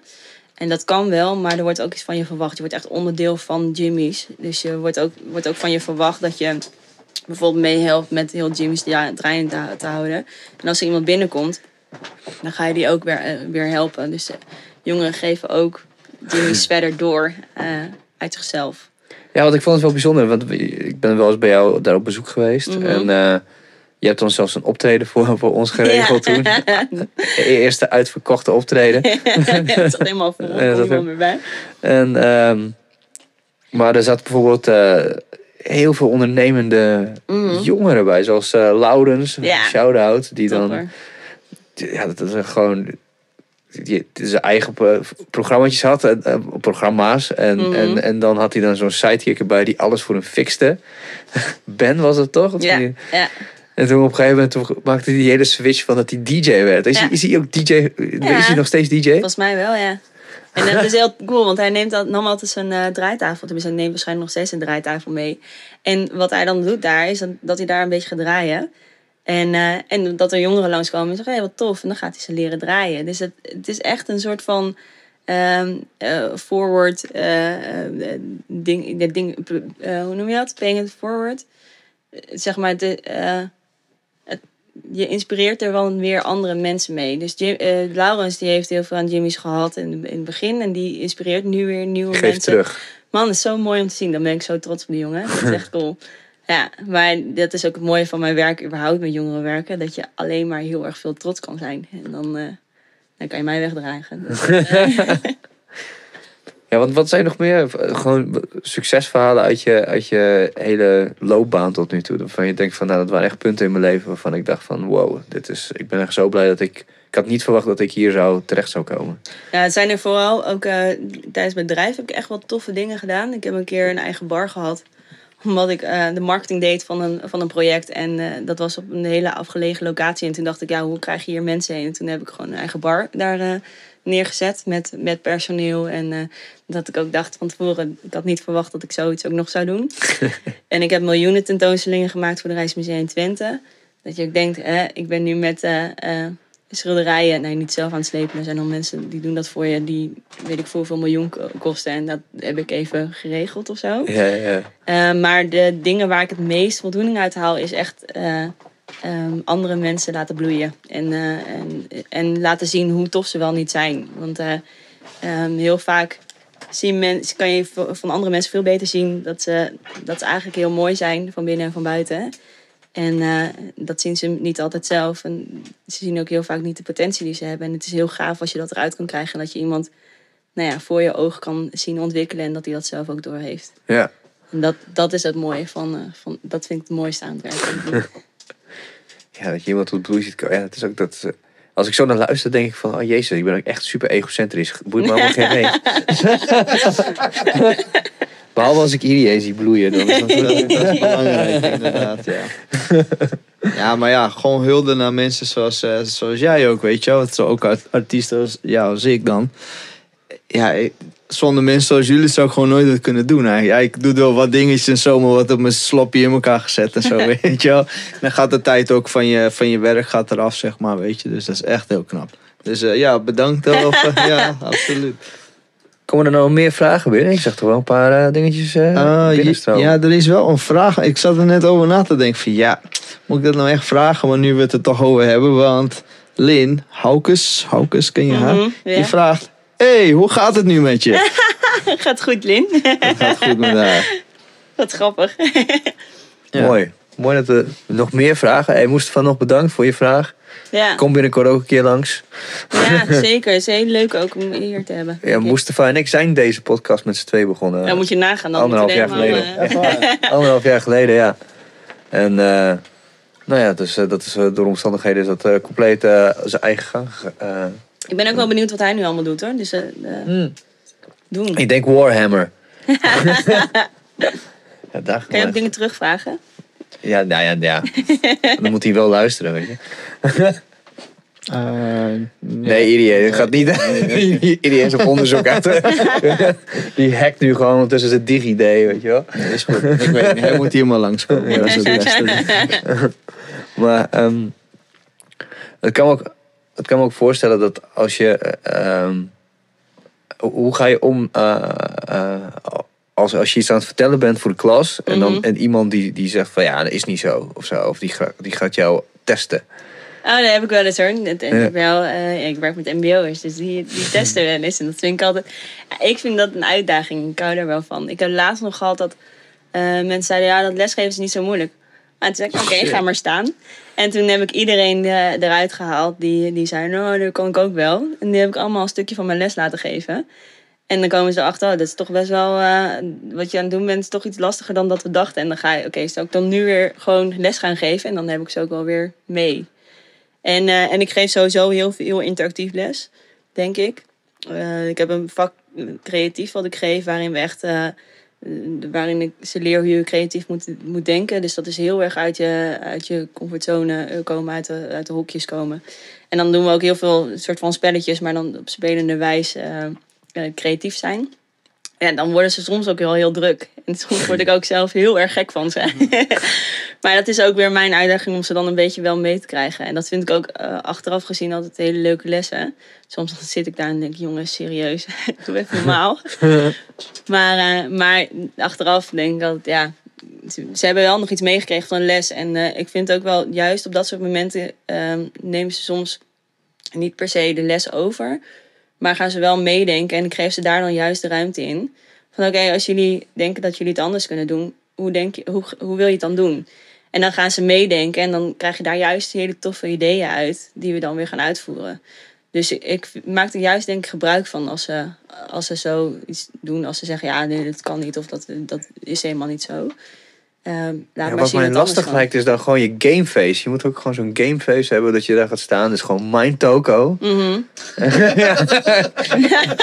ja, maar dat is niet zo, hè? hoeft toch helemaal niet. Waarom moet dat nou zo? Nee, ja, gewoon, van, je staat daar. Het is gewoon, dit is gewoon, dit, dit, dit, is, dit is mijn les. Nu Mhm. gaan we het, ik, heb, ik was bijvoorbeeld, Nou ja, goed. Ik, ik denk dan altijd hoe, hoe, hoe ik als, als, eh, als leerling was. En ik was niet eens een van de ergste. Ik heb Mm. ook wel mensen die dan gewoon echt, echt gingen stangen, zeg maar. Maar ehm, dat je eh, op een gegeven moment zo, zo denkt van ja, eh, wat eh what the fuck. Ik zie, ik zie, ik zie zo'n slapjanus daar voor de klas staan. En die, Mm. die, die, die, die, die zegt wat tegen mij zo stil of zo. Weet je wel. En dan- dan- dan- en als hij zich omdraait, dan ga ik ook zo stil. Dan, gaat iedereen daar in die klas zeg maar helemaal loco. Dus je moet wel een bepaalde autoriteit eh, uitstralen. En een van de grootste indrukken was, eh, was meneer Boonstra van, eh, op de middelbare school. En die, dat, ja, wat de baas was dat, joh. Die kwam gewoon binnen en die gooide gewoon zijn boeken op tafel. En eh, iedereen was aan het lullen. En toen zei hij van ja, nu iedereen is stil. Mhm. Het is mijn klas. als, eh, als je niet stil bent, dan moet je even bladeren naar de tweede pagina van je boek. En daar stond zo'n hele register, zeg maar, alleen maar hele kleine lettertjes. En dan komma's en cijfertjes, soort van, ja, bijna niet echt een, een, een beschrijving van iets. Of het was gewoon meer een soort van, weet ik veel wat het was, allemaal codes. Zei hij van, iedereen die, die binnen nu vijf tellen niet stil is, die, eh, die moet dit overschrijven. en, als je dan, eh, en als je dan nog niet stil bent, dan moet je twee keer overschrijven. Anders vier keer, anders zes keer. En mag, als er één komma fout is, dan moet je nog een keer doen. en toen was iedereen gewoon tot, tot volgens mij tot aan de zesde klas, als je een les van hem had, dat iedereen gewoon wist gewoon, oké, dit is die gast, ik ga gewoon niet mee fucken. Weet je, het is gewoon, het is gewoon prima. Ja ik, ja, ik denk dat je les moet geven op de manier die bij je past. En eh, als ik dat zou gaan doen, dan zouden ze, me, dan zouden ze echt denken... Emily, wat ben je nou weer aan het doen? Dit, dit geloven we ook gewoon niet. Ik heb toevallig laatst, eh, tenminste vandaag, had ik, eh, had ik het over natuurlijk leiderschap. En toen heb ik het voorbeeld gegeven als ik, ehm, nee, als een docent... die wil dat heel graag stil is en die geen, eigenlijk geen orde kan houden... heel hard in de klas gaat schreeuwen dat het echt stil moet zijn... dan ga je er juist keihard tegenin. En ik beweeg meer mee met ze. Ik vind het juist heel leuk om het gesprek aan te gaan. En natuurlijk eh, wordt het soms eh, wordt er misbruik van gemaakt. Ehm, maar ik denk dat dat best wel weinig ge- gebeurt in mijn les, omdat ik echt oprecht geïnteresseerd is. Dus mensen vinden mij in principe ook volgens mij wel aardig. Waardoor ze ook wel echt geïnteresseerd zijn in wat ik, eh, wat ik te vertellen heb. En ik, eh, ik kijk ook wat zij willen weten. En je mag bij mij veel vragen stellen, zodat het echt op hun aangepast wordt. En natuurlijk moet ik wel mijn lesinhoud eh er doorheen krijgen. Maar ik zeg bijvoorbeeld, vandaag had ik dan die, les over onder andere, er zat natuurlijk leiderschap in. Er zat best wel veel theorie in. Dan begin ik ook met, ja jongens, ik ga vandaag echt, dat is echt een eh, keiharde theorieles. Ik weet dat het best wel veel is. Maar ik vind het wel belangrijk dat jullie het allemaal le- leren, want dit is de basis van een evenement. Dus we gaan dit er doorheen knallen. En, en als jullie me een beetje meehelpen, dan zijn we er sneller doorheen. Dan krijgen we dit ook in één les er doorheen. En dan gaan we daarna gaan we echt weer bezig. En dan heb je een soort van eh, met hun afgesproken dat ze meedoen. en dat werkt ook gewoon. Maar wat, ik- wat is natuurlijk leiderschap? Eh, natuurlijk nee, ja, het gaat erom dat je niet. eh ik vind het belangrijk dat ik niet als docent heel erg boven mijn studenten ga, ga staan. Ik, het is ook niet mijn klas en mijn les. Het is, eh, ik sta daar omdat ik hun iets wil leren. En eh, als jij niks wil leren, ja, dan wordt het een heel gezellige ding. Maar je, je zit er in die klas zit je voor jezelf. Eh, het is MBO, dus je hebt er zelf voor gekozen om die opleiding te gaan doen. En eh, ehm, ja, dus ik, ik hoef niet mijn eh, kennis allemaal in hen te stampen als ze daar heel erg tegen ingaan. Daar heb ik helemaal geen zin in. Eh, en zo benader ik ze ook. En spreek ze ook aan op hun eigen verantwoordelijkheid. Waardoor het meestal heel erg relaxed is in mijn les.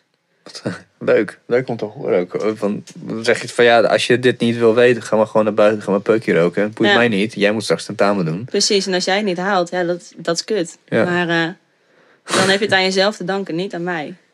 En het is, is het ook niet, eh, sta je ook wel- wel eens bij stil dat je eigenlijk gewoon zo'n heel belangrijk, eh, belangrijke rol in hun leven speelt? Ja, ik hoor het wel eens van ze. Maar eh, ik, ik heb dat zelf misschien niet zo heel erg door. Want ik vind het gewoon belangrijk wat ik doe en de manier waarop ik het doe. Dus, eh, en dat ik er voor ze ben.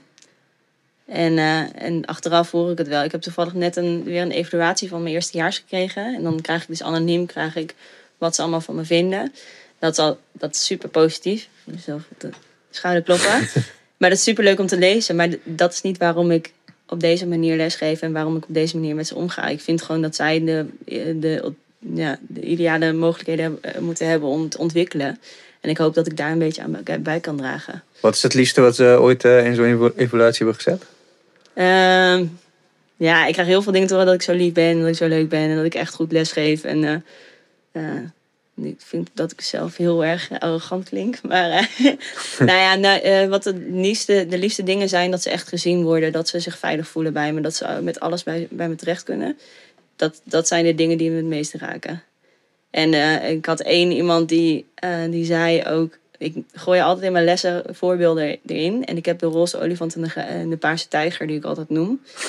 En het gaat over eh, ja, goed luisteren naar je opdrachtgever. En als hij een roze olifant wil en jij gaat opeens je, je, je concept veranderen en je hebt paarse tijgers, dan moet je dat wel overleggen. Want anders komt die opdrachtgever, kan je zo'n tof mogelijk feest, wat helemaal perfect is, organiseren. Maar een opdrachtgever komt binnen en die ziet geen roze olifant, maar paarse tijgers en denkt, waar zijn dan die roze olifanten? En eh, op die manier leg ik dus dingen uit. En toen kwam dat er dus in terug met... Ja, Emily die heeft heel veel voorbeelden met roze olifanten en paarse tijgers. En dat vind ik heel fijn, want zo snap ik eindelijk wat, wat er eigenlijk bedoeld wordt in, in het boek en eh, in, met de theorie. Dat vind ik tof om, te- om te- om terug te horen, want dan nou, zie je dat wat ik doe, hoe ik lesgeef, dat het echt werkt bij ze. Ja. En je bent niet zo'n docent die dan ieder jaar weer eh, hetzelfde grapje Nee. uithaalt. Zeg maar. nee, nee. Ik, eh, ik pas zelfs eh, voor elke les eigenlijk mijn les aan. Omdat ik elke keer weer kijk, oké, eh, wat staat er precies in? En klopt het nog? En wil ik het op deze manier nog vertellen? Zou jij dat kunnen, IDE, lesgeven? Eh, ja, soms wel, soms niet, zeg maar. Ik doe wel eens workshops en zo. Ja. En soms gaat het echt heel goed, maar dan voel ik me ook goed. En dan is het onderwerp oké of zo. Ik, ik weet eigenlijk niet zo heel goed waar het dan ligt. Maar dan, dan- ja, dan voel ik me wel ja, een natuurlijke leider, I guess. Zeg maar. Mhm. Dat ik wel weet van, oké, ik moet die lui zo aanpakken en dit en dat. Maar ja, ik heb er ook echt wel eens gewoon echt een bende van gemaakt. Ja, dat die kinderen, ja, precies van, joh, gas, flikker op. En ik dacht, ja, je hebt ook wel gelijk ook. Ik moet hier gewoon echt niet zijn. echt een fiasco, gewoon 100%, weet je wel. Dus eh, ja. Hoe dan? Hoe, hoe dan gewoon? Nou, ja, ik ben ook wel eens. Ik, ik heb bijvoorbeeld. nou, vrij recent heb ik een workshop moeten doen, maar ik kreeg dus helemaal geen informatie van wat voor groep dat was.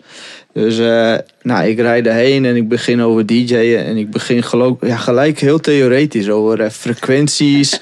en eh, ja, als je een bas, dat is dan eh 30 hertz of zo en allemaal cijfertjes en natuurkunde en zo. En die gasten zo van, joh, maar draai gewoon die busy pokoe en hou gewoon je kop. Wat ben je voor een gast, weet je?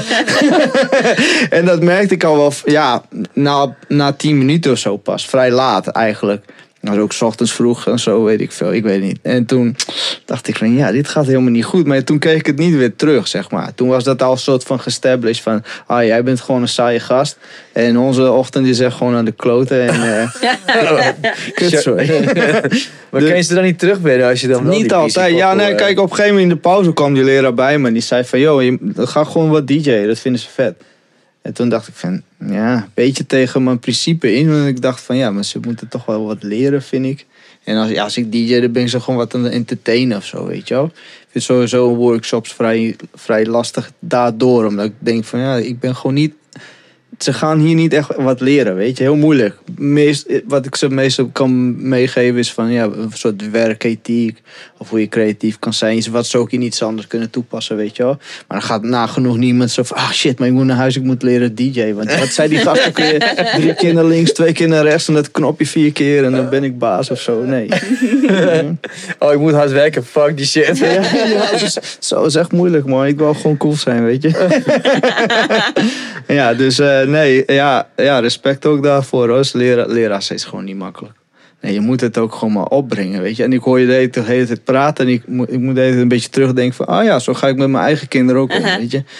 Maar ja, dat zijn gewoon lekker mijn eigen kinderen. Dus die geef ik dan een knuffel of zo. En dan zeg ik, ja, ga maar gewoon naar je Ja, kamer. dat moet je niet doen als docent volgens mij. Nee, dat bedoel ik. Dat is vooral nu niet. Dat is gewoon hartstikke gevaarlijk.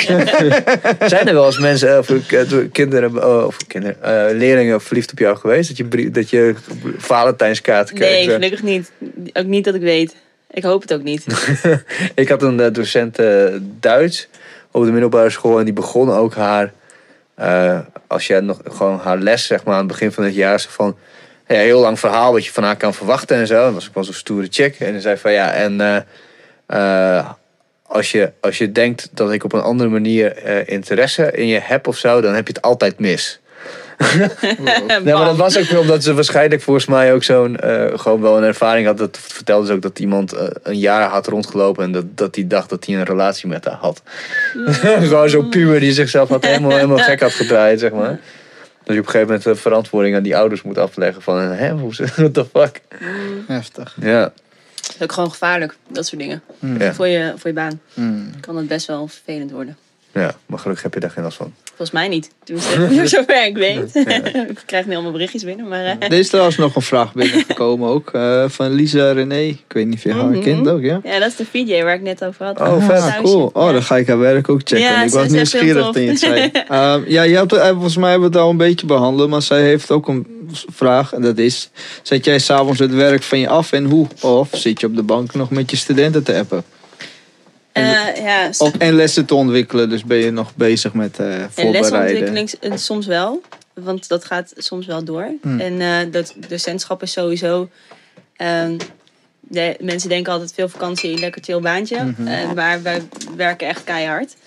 En, en dat gaat s- s'avonds... nou, moet je soms nog wel iets voorbereiden voor de volgende dag.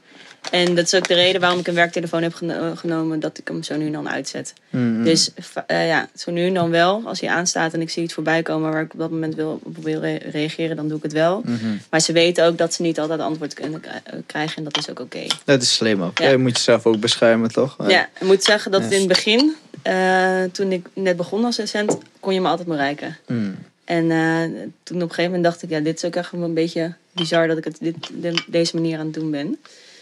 Dus eh, ik ben er wel zelf ook iets voorzichtiger in geworden. Precies. Maar meer iets meer aan mezelf denken, zeg maar. Mm, ja, dat is belangrijk, hè? Ja, dat is wel een vrij algemeen ding. Van iedereen moet altijd maar eh, te bereiken zijn en zo. Maar Volgens Mm. mij, eh, met collectief leren we met z'n allen zo'n beetje van... eh, de, de- ja, dat hoeft eigenlijk ook niet.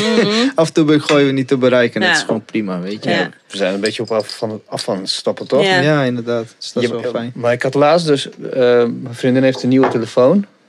En er zit dus een dual sim in. En het is Mhm. gewoon een hele normale telefoon. Het is niet dat je denkt van een speciaal telefoontje of zo. Het is gewoon, gewoon een Samsung.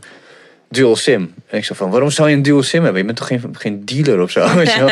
En zegt zei iemand, die was erbij, die zei van, dat is hartstikke handig. Heb je werktelefoon en, en privételefoon in één? Ik zei, dat is helemaal niet handig. Dat is, wie wil dat nou, zeg maar? Werktelefoon en privé in één. Dan word je toch helemaal gek. Ik heb dat heel bewust juist niet. Ja. Maar ik denk wel, ik weet, weet niet hoe dat werkt hoor. Maar misschien kan je ook wel eentje dan uitzetten. Of Ja, want zo Ja. werkt het dan toch. Maar Ja. die pla- het is gewoon in plaats van dat je twee apparaten hebt, heb je eentje. Maar er staat je werk staat dan aan of je privé staat Ja. aan.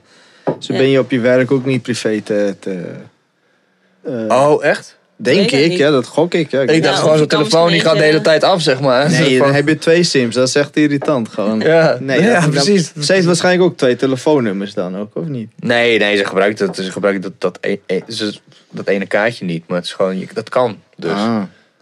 Huh. Ja, ik Nee, denk dat het daarvoor is Ja. eigenlijk. Nee, ik ben blij dat ik er gewoon twee heb. Die kan ik gewoon in een hoek leggen en dan eh, Heel goed. naar de stad. Of naar jullie, want ik heb hem nu ook niet bij me. Heel goed, maar word je dan... eh, eh, ik heb het wel eens geprobeerd, een werktelefoon en een privételefoon. En Mhm. dan eh, merk ik dat ik toch de privételefoon niet bijna niet gebruik. Omdat het, omdat, omdat het niet echt het nummer is waar heel veel mensen die dat hebben, zeg maar. Mhm. Het is meer zo voor je, voor je, Voor je moeder. voor je moeder, je Ja. vriendin, eh, whatever, ja, weet je.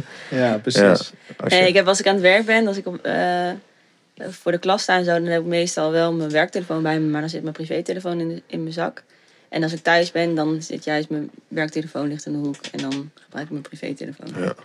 En mijn vrienden, familie, en die bereiken me allemaal via mijn privételefoon. Ah ja, handig. die jij ook. Ja, ik zei. Ja, ja, oh ja? Ja, Oh, yes. Niet in, niet in de werksfeer. werk. ja, precies. Hm. Of had jij deze gewild? Eh, nee man, dank je. Oké. Cheers. hey, en nog over die lessen, hè? Want Mhm. ik- schrijf je curriculum ook zelf? Of ligt er al Ja. wat... eh, Er ligt wel wat, want je moet eh, je aan bepaalde eisen moet je voldoen.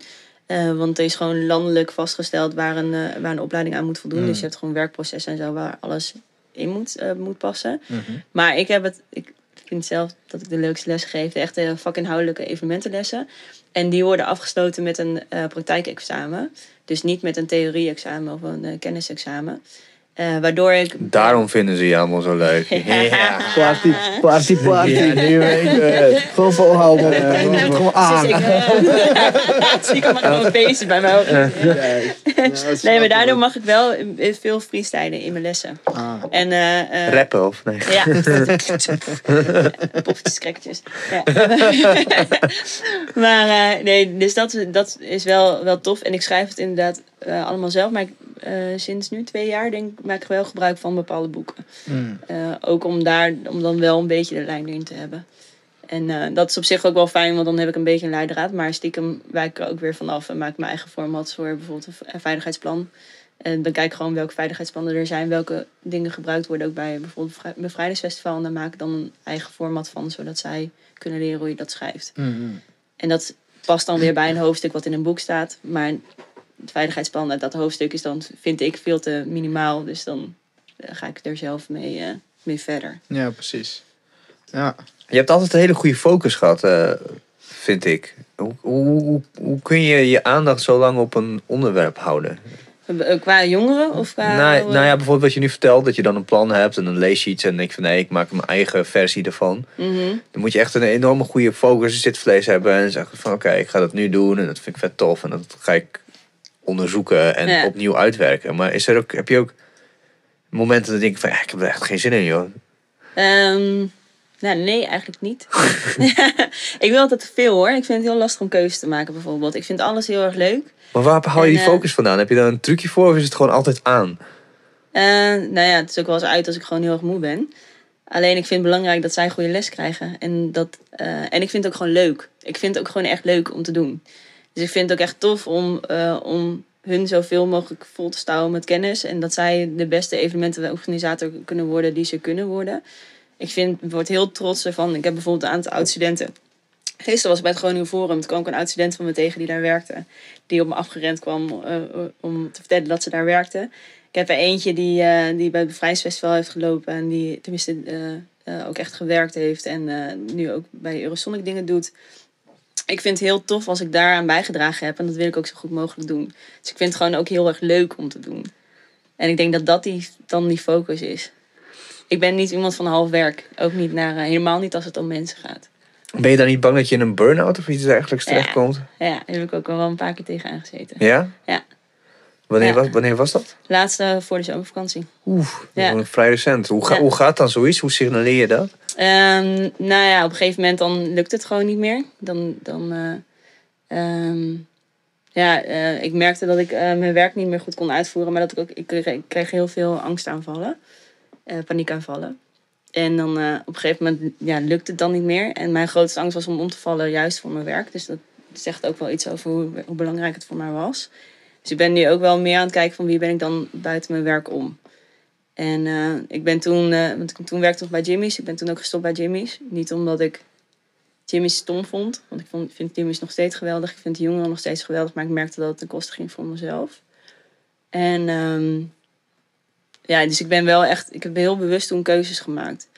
Terwijl ik dat heel lastig vind, omdat ik alles zo leuk vind. En daar ben, daar heb ik ook wel, daar ben ik wel beter uitgekomen, denk ik. Dus dat, eh, maar het is wel nog steeds een aandachtspunt voor mij. Ja. Voor je het weet bouw je het weer vol. Ja. Ja, dat heb ik ook. Ja, ik, ik zit... Soms, soms zit ik er tegenaan. En dan, Mhm. dan voel ik dan dat het gewoon te veel stress is. En, eh, maar ja, het hoort bij eh, ondernemend live, weet je wel. Dat je dan echt, nog even, nog even, Mm. nog even, nog even. En dan gewoon blijven beuken. En dan Ja. dat voor het eerst eigenlijk ook na de zomervakantie dat ik dacht van, oh, ik ben een paar keer weg geweest. En toen dacht ik op een gegeven moment van, oh, oké, dan, ehm, nu begint het straks echt weer. Toen kreeg ik zo'n gevoel van, oh, fuck, dat gaat weer echt, boom, vol, vol erin. Toen van, Ja, dat ga, ik, dat ga ik gewoon niet doen. Nee. Ja, dus dat heb ik gewoon wel echt, eh, nou, meer structuur aangebracht, denk ik. Maar het lijkt me wel eh, eh, heftig, omdat je, om, wat je ook zegt, er zoveel mensen van je afhangen. Omdat het, ja, je hebt gewoon Ja. leerlingen. Nee, ik heb het ook wel met ze besproken hoor. Eh, maar veel later pas. Dat ik, het, dat ik er wel te- tegenaan zat. En dat ik... nou, ik ben dan ook heel eerlijk tegen ze. En toen was er ook een student van mij en die zei van... Ja, maar je was er altijd voor ons. En toen zei ik, ja, maar ik was er niet voor mezelf. En dat was ook wel confronterend ergens om dat en te zeggen tegen hem. Maar ook om te horen dat ze dat ze zo, dat ze zich nog wel altijd gesteund eh, voelden. En zij zijn ook waarom ik doorga. En eh, dan moet ik soms heel goed op mezelf passen, omdat ik zelf ook wel belangrijk ben. Raar toch, dat je dan op een gegeven moment achterkomt dat je niet voor jezelf bent. Dat is ook wel pittig hoor. Hoe, hoe, hoe, hoe kwam je, hoe kon je jezelf op die manier in één keer aan, aankijken? Wat heb je, eh, heb je iets voor jezelf pros en cons of iets dergelijks opgezet? Of ben Ja, je dat was echt- op dat moment heel moeilijk. Dus ik heb daar ook wel hulp bij gehad. Nog steeds wel hulp bij. Ehm, omdat ik eh, echt wel iets ook aan mijn eigen waarde moest doen. En even mezelf weer belangrijk moest maken.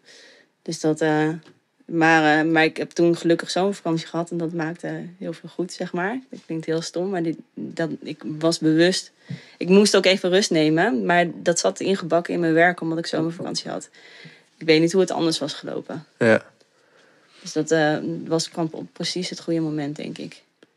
Ik denk dat het ook wel een aanrader is voor heel veel mensen om sowieso gewoon hulp voor erbij te hebben. Mhm. Ja, Gewoon, je moet toch ergens luchten, zeg maar. Ja. Niet alleen altijd bij je vrienden of bij... nou ja, soms Ja. is het heel fijn om iemand te hebben die daar echt verstand van heeft. Die ook net een beetje een andere invalshoek kan, eh, kan geven.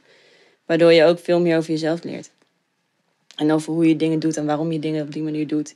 Want het is niet de eerste keer bij mij geweest. ehm, eh, alleen het was wel de ergste keer.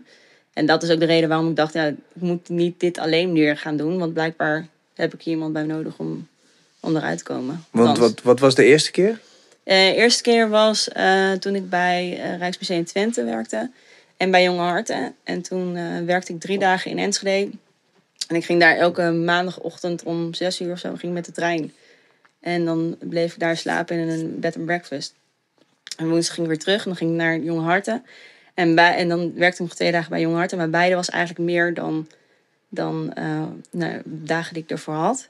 Op een gegeven moment was ik zeven dagen aan het werk.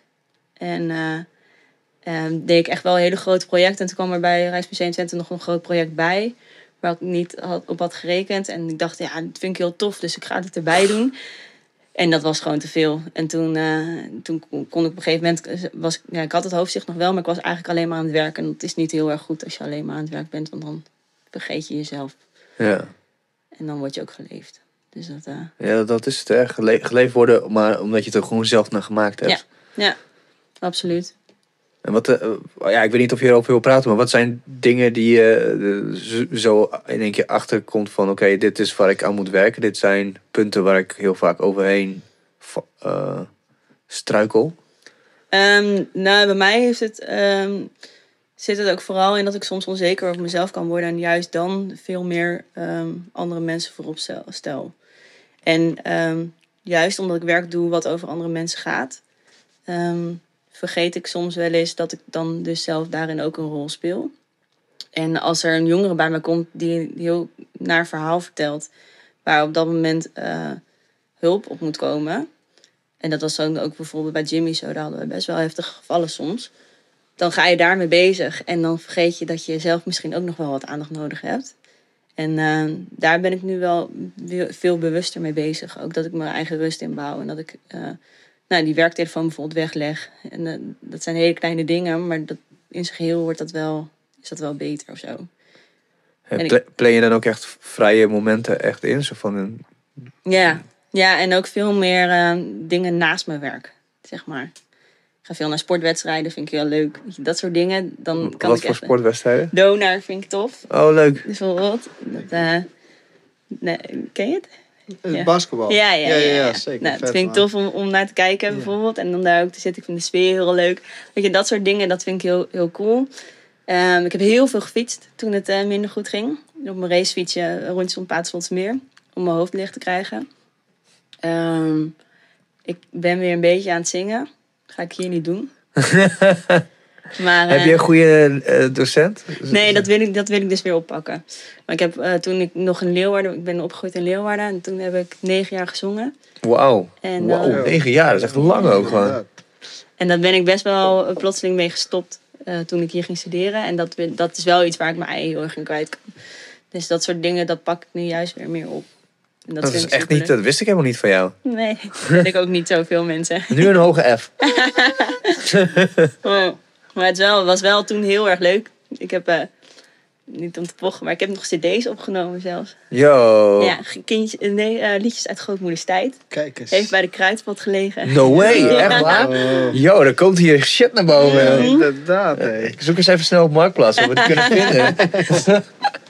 Liedjes uit grootmoeders tijd. En snotneuzen stond je er ook op? Nee. dat niet? kinderen voor kinderen mocht niet meer meedoen. Want ik woonde niet in het gooi. Heb ik nog wel overwogen. Maar, Oh, echt? Oh, hè? Is dat echt zo'n kak gebeuren dan? Ja, ja, dan moest je binnen een straal van zoveel kilometer wonen. Dus eh, Hoor je dat niet? Ja man, kinderen Shit. voor kinderen. kinderen. Zo, ze hebben zo'n zo'n zinnetje, ik ben een Braziliaan voor mensen die dat niet weten. En eh, ze zeggen, kinderen voor kinderen, de kinderen is hier zo blij. En een kind geboren onder de evenaar, Is ik slecht. dus, wordt later vaak een bedelaar. Ja, dat ben je toch? Nee. Krijg je een fucking tering. Al die kut zo bij elkaar. Fuck off, joh. Ja, Dat klopt. heb ik echt heel slecht getrokken, altijd. Nu zit me nog steeds hoog, merk ik in één keer. Ah, vaak een bedelaar. Ja, echt waar. Ja, zeker. Kun je gewoon zeggen? Oké, cool man. Jij woonde op de Evenaar, toch? Ja, en joh, ik net eronder man. Even kijken. Ja, gro- Ja. liedjes grootmoeders tijd. Nee, je bent niet Bassie en Adriaan. Nee. Ik zoek nog even verder. Wacht. Maar hoe kwam je erbij dan? Hoe hebben ze jou Dus, eh, nee, ik heb het met mijn eh, kinderkoor gedaan. Dus met de hele koor. En eh, ik weet niet hoe ze daarbij kwamen. Bij, Hoe oud was je toen? Eh, basisschool in de eerste klas, zoiets. Echt jong. Dus Ja, 11, maar wel 12, oud genoeg, zeg 11, maar. 12, zoiets. Denk Als je in de eerste klas... Dan, dan... ik denk dat ik nog wel op de basisschool zat. 11, 12, zoiets was. Had je niet... eh, wilde je niet een ro- ro- rockstar worden? Of, Nee, want dat is dus wel grappig. Ik wil eigenlijk liever achter de schermen werken dan voor de schermen. Daarom ook cd'tjes opnemen, maar niet optreden. Zo. Want wat waren bijvoorbeeld oh, liedjes uit, uit grootmoeders tijd? Waar moet, waar moet ik aan denken dan? Echt kinderliedjes. Groen is gras en... dat weet ik van, een Spansje kevertje. Dat soort dingetjes. Maar ja, er, er, is, er, is, er is dus volgens mij wel een hele goede... ehm, goed plekje voor je bij, bij onze allereerste aflevering van, van dit seizoen. was Mhm. met Ege Koopman. En die, eh, eh, ja, dat, die is super pro, maar die doet toplining. Mhm. En toplining is dus eh, als je, je hoort toch vaak in van die house nummers en, en, en harde techno en hardcore nummers. Daar hoor je toch altijd zo'n hele mooie gelikte stem eroverheen, van zo'n vrouwenstem. Nou, dat is een topliner. Dat is cool. Ja. Ik zou het Dus overwegen. het kan wel, het kan wel. gewoon, gewoon dikke techno. ja.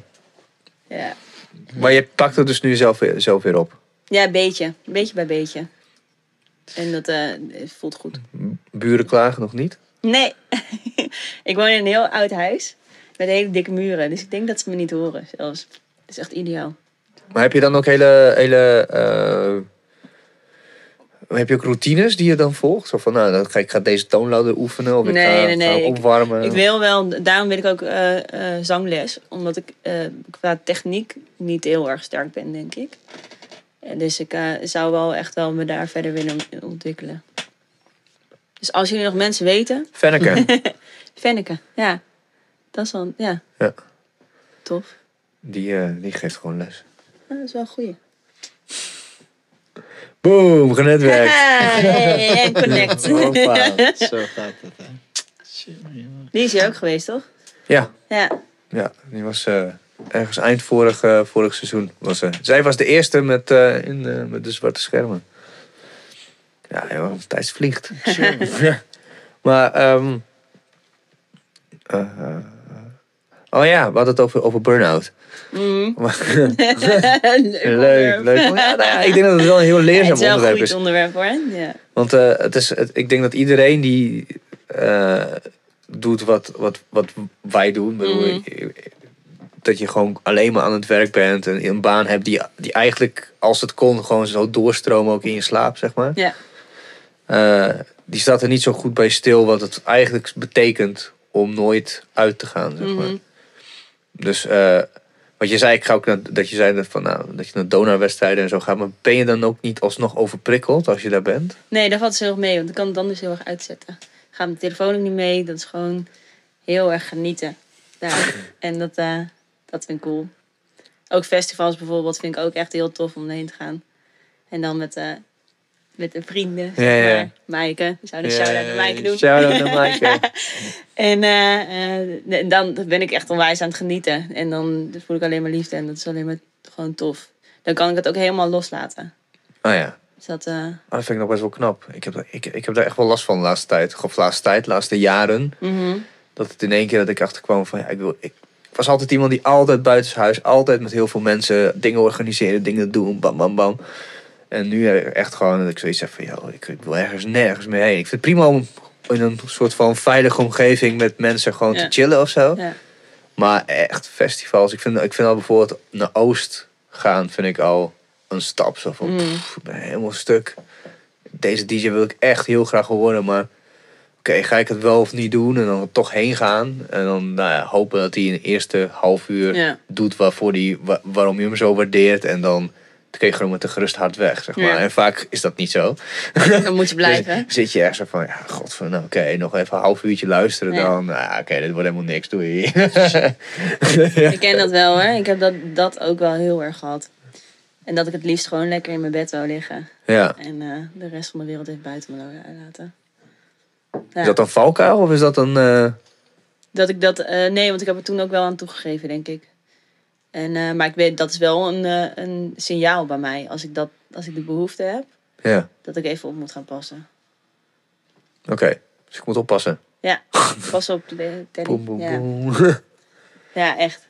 En eh, de persoon waar, waar jij hulp hebt gezocht, is dat vanuit jouw school of is dat, Nee. of is dat buitenom?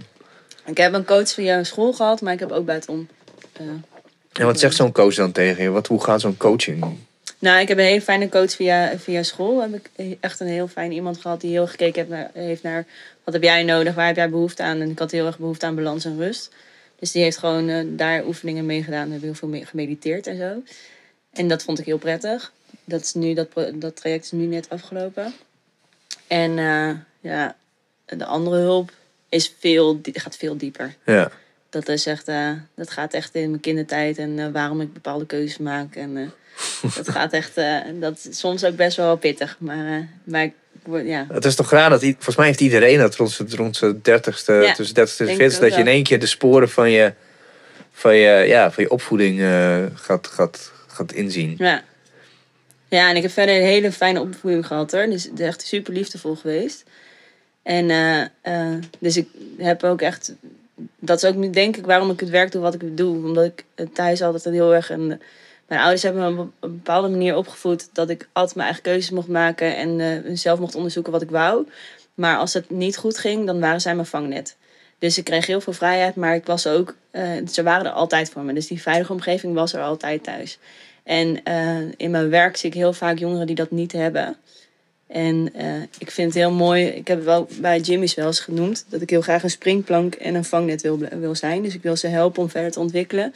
Maar als het even niet goed gaat. Of als ze een fout maken. Of, eh, weet je, en ze hebben iets om op, nodig om op terug te vallen. Dan wil ik daar ook staan.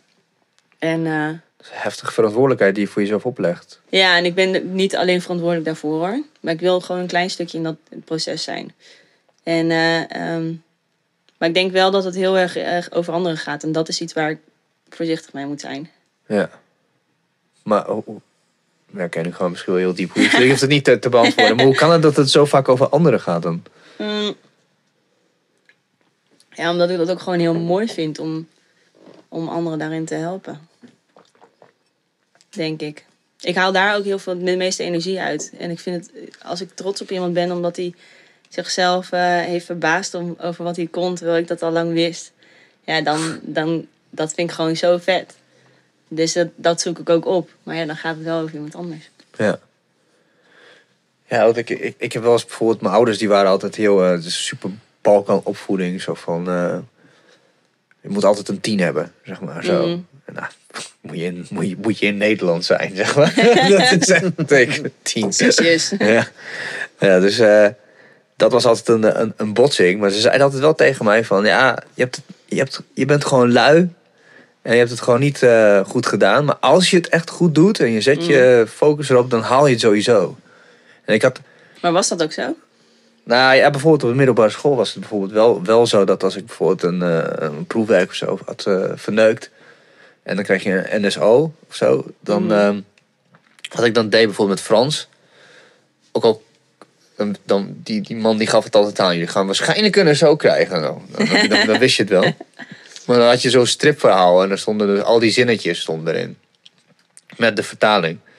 Dus ik wist echt bij God niet wat het precies betekende. Mm. En ging dan alles, mijn, mijn, ging dan alles gewoon overpennen, zeg maar. Echt eh, elke zin tien keer. En dan, eh, met de, en dan later die vertalingen ronden. Maar in ieder geval dat ik het goed kon schrijven in het Frans. En nou, daar had ik altijd gewoon wel tien op. Daar, daar krikte ik altijd mijn, mijn vier en mijn vijven mee op, zeg maar. En met Latijn was dat net zo. En met, met, met, met Grieks en al die, al die andere chak, zeg maar. Dan kon ik gewoon altijd, als ik hard ging werken, dan wist ik, en, en het was productiewerk, dan kon, ik, het Mm. gewoon, eh, kon ik het gewoon fixen. En zelfs met geschiedenis in de eerste en de tweede klas leerde ik gewoon alle, alles uit mijn hoofd. Dus op een gegeven moment eh, had eh, de docent het volgens mij ook wel door. Dus die stond, ik, ik ging op een gegeven moment na, na de tweede proefwerk, stond hij zo achter mij. En dan ging hij gewoon kijken. En ik vond het al raar dat hij erbij stond. En aan het einde zei hij van, ja, leer jij je dingen uit je hoofd? En ik zo van, eh, ja, hoezo? Hij zei, dat moet je echt niet doen. dat moet je echt niet doen. Want dit, nu, kan, nu kan het nog, maar straks, straks wordt het zoveel. En vooral als je gaat studeren later, Ja. dan, wordt, dan kan je het echt niet aan, zeg maar. Want hoe ging dat? Daar ben ik dan wel benieuwd naar. Wat Want studeren? je moet, nou ja, bij, bij, eh, want jij hebt de KCM gedaan en je moet dan echt toepassen. ja, Dus dan als jij uit je hoofd leert, dan. Ik weet echt, ik, ik, ik moest er laatst aan denken. Het is echt één grote blur voor mij. Hmm, Gewoon mijn, eh, mijn middelbare school is best wel een grote blur. En, en mijn, eh, mijn studententijd ook. Want dat was ook echt iets wat ik moest doen van thuis uit. Dit moet jij doen. Dit, dit, dit ga je doen, weet je wel.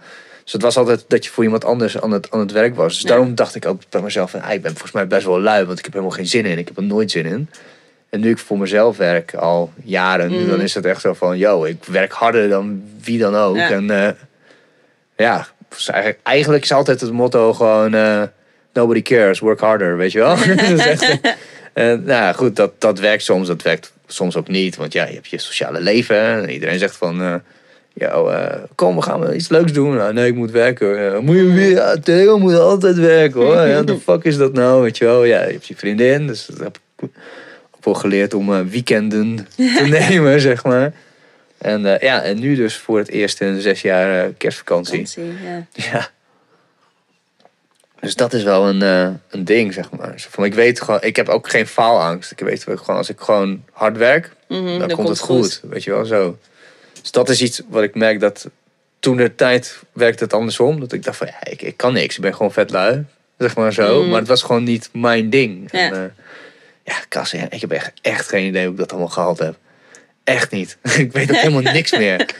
Jennifer die heeft nog gewoon een tijdje les gegeven aan eh eerstejaars. Mhm.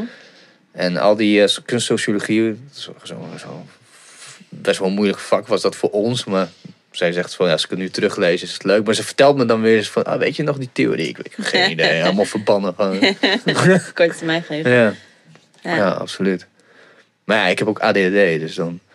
Ik heb ook wel last gehad. Ik moet echt trucjes toepassen om een... eh, Om rustig te blijven. eh, nou, niet... Nou, rustig Nou, blijven. blijven. Om ik focus te verleggen, zeg maar. om een focus te verleggen en die focus ook te houden. Zeg Mm. maar. dus dat, vooral met werk als schrijver is dat best wel een ding. Zeg maar. Ja. Je moet gewoon eh, heel vaak zo van, oh fuck, moet, moet dit nog doen? En dan weet ik gewoon, als ik de eerste linie op papier heb, dan maakt niet uit of het goed of slecht is, dan zit ik er gewoon in, weet je wel. Ja.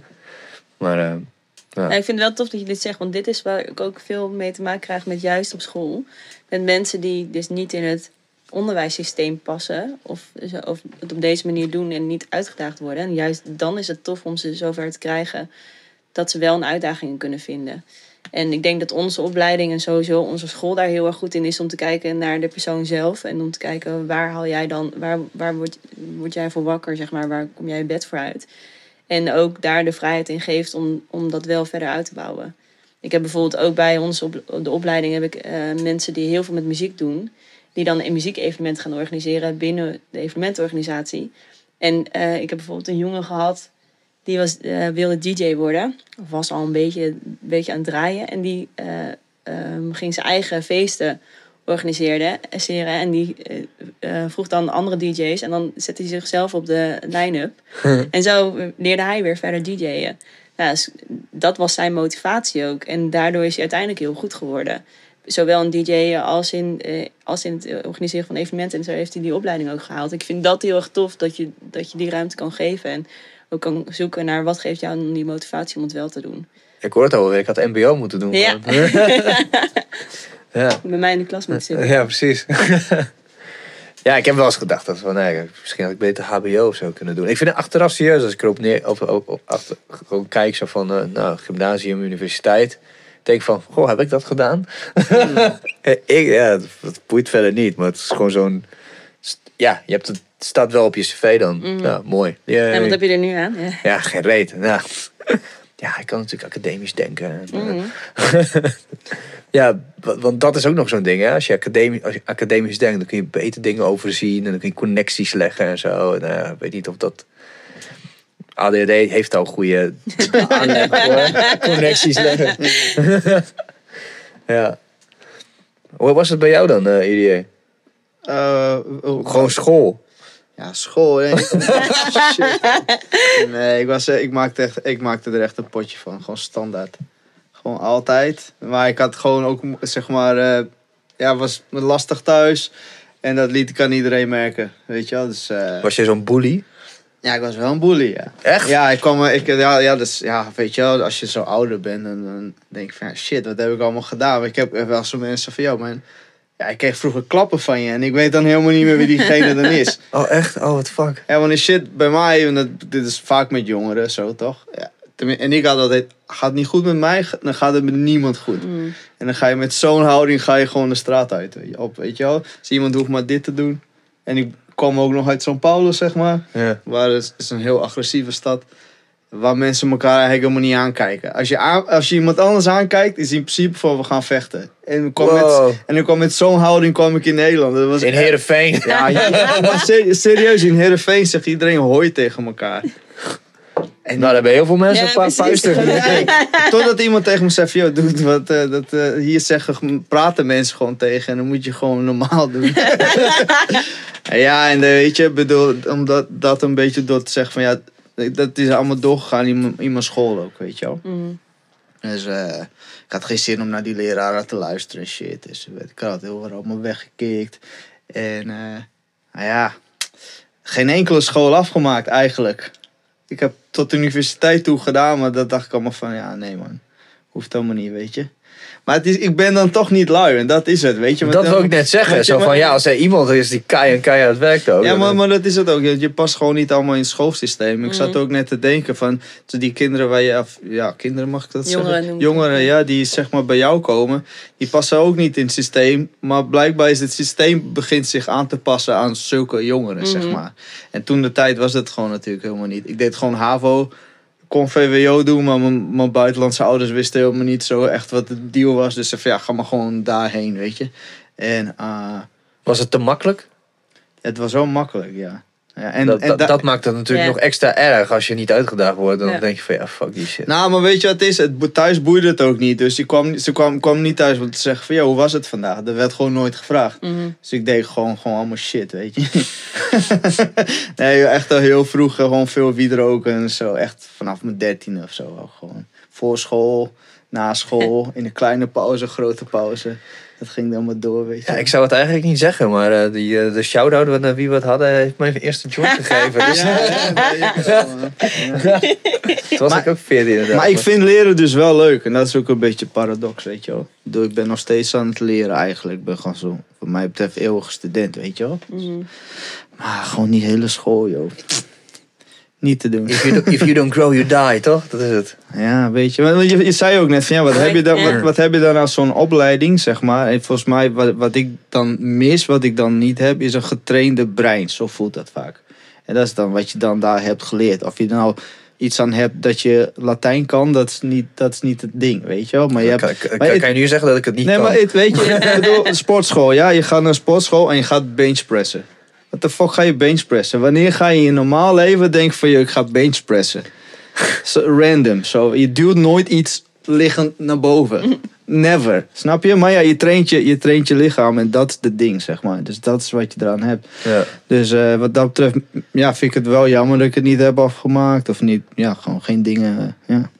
Zo weet je wel. Maar ja, ja het is gegaan zoals het gaat, weet je. Ja. Dus eh, ja, no regrets wat dat betreft. Ja. Dat is toch mooi? Heb jij, heb jij regret? In je Eh, leven? nee. nee, ik geloof niet, in, ja, geloof niet in spijt, alleen als je iemand gekwetst hebt.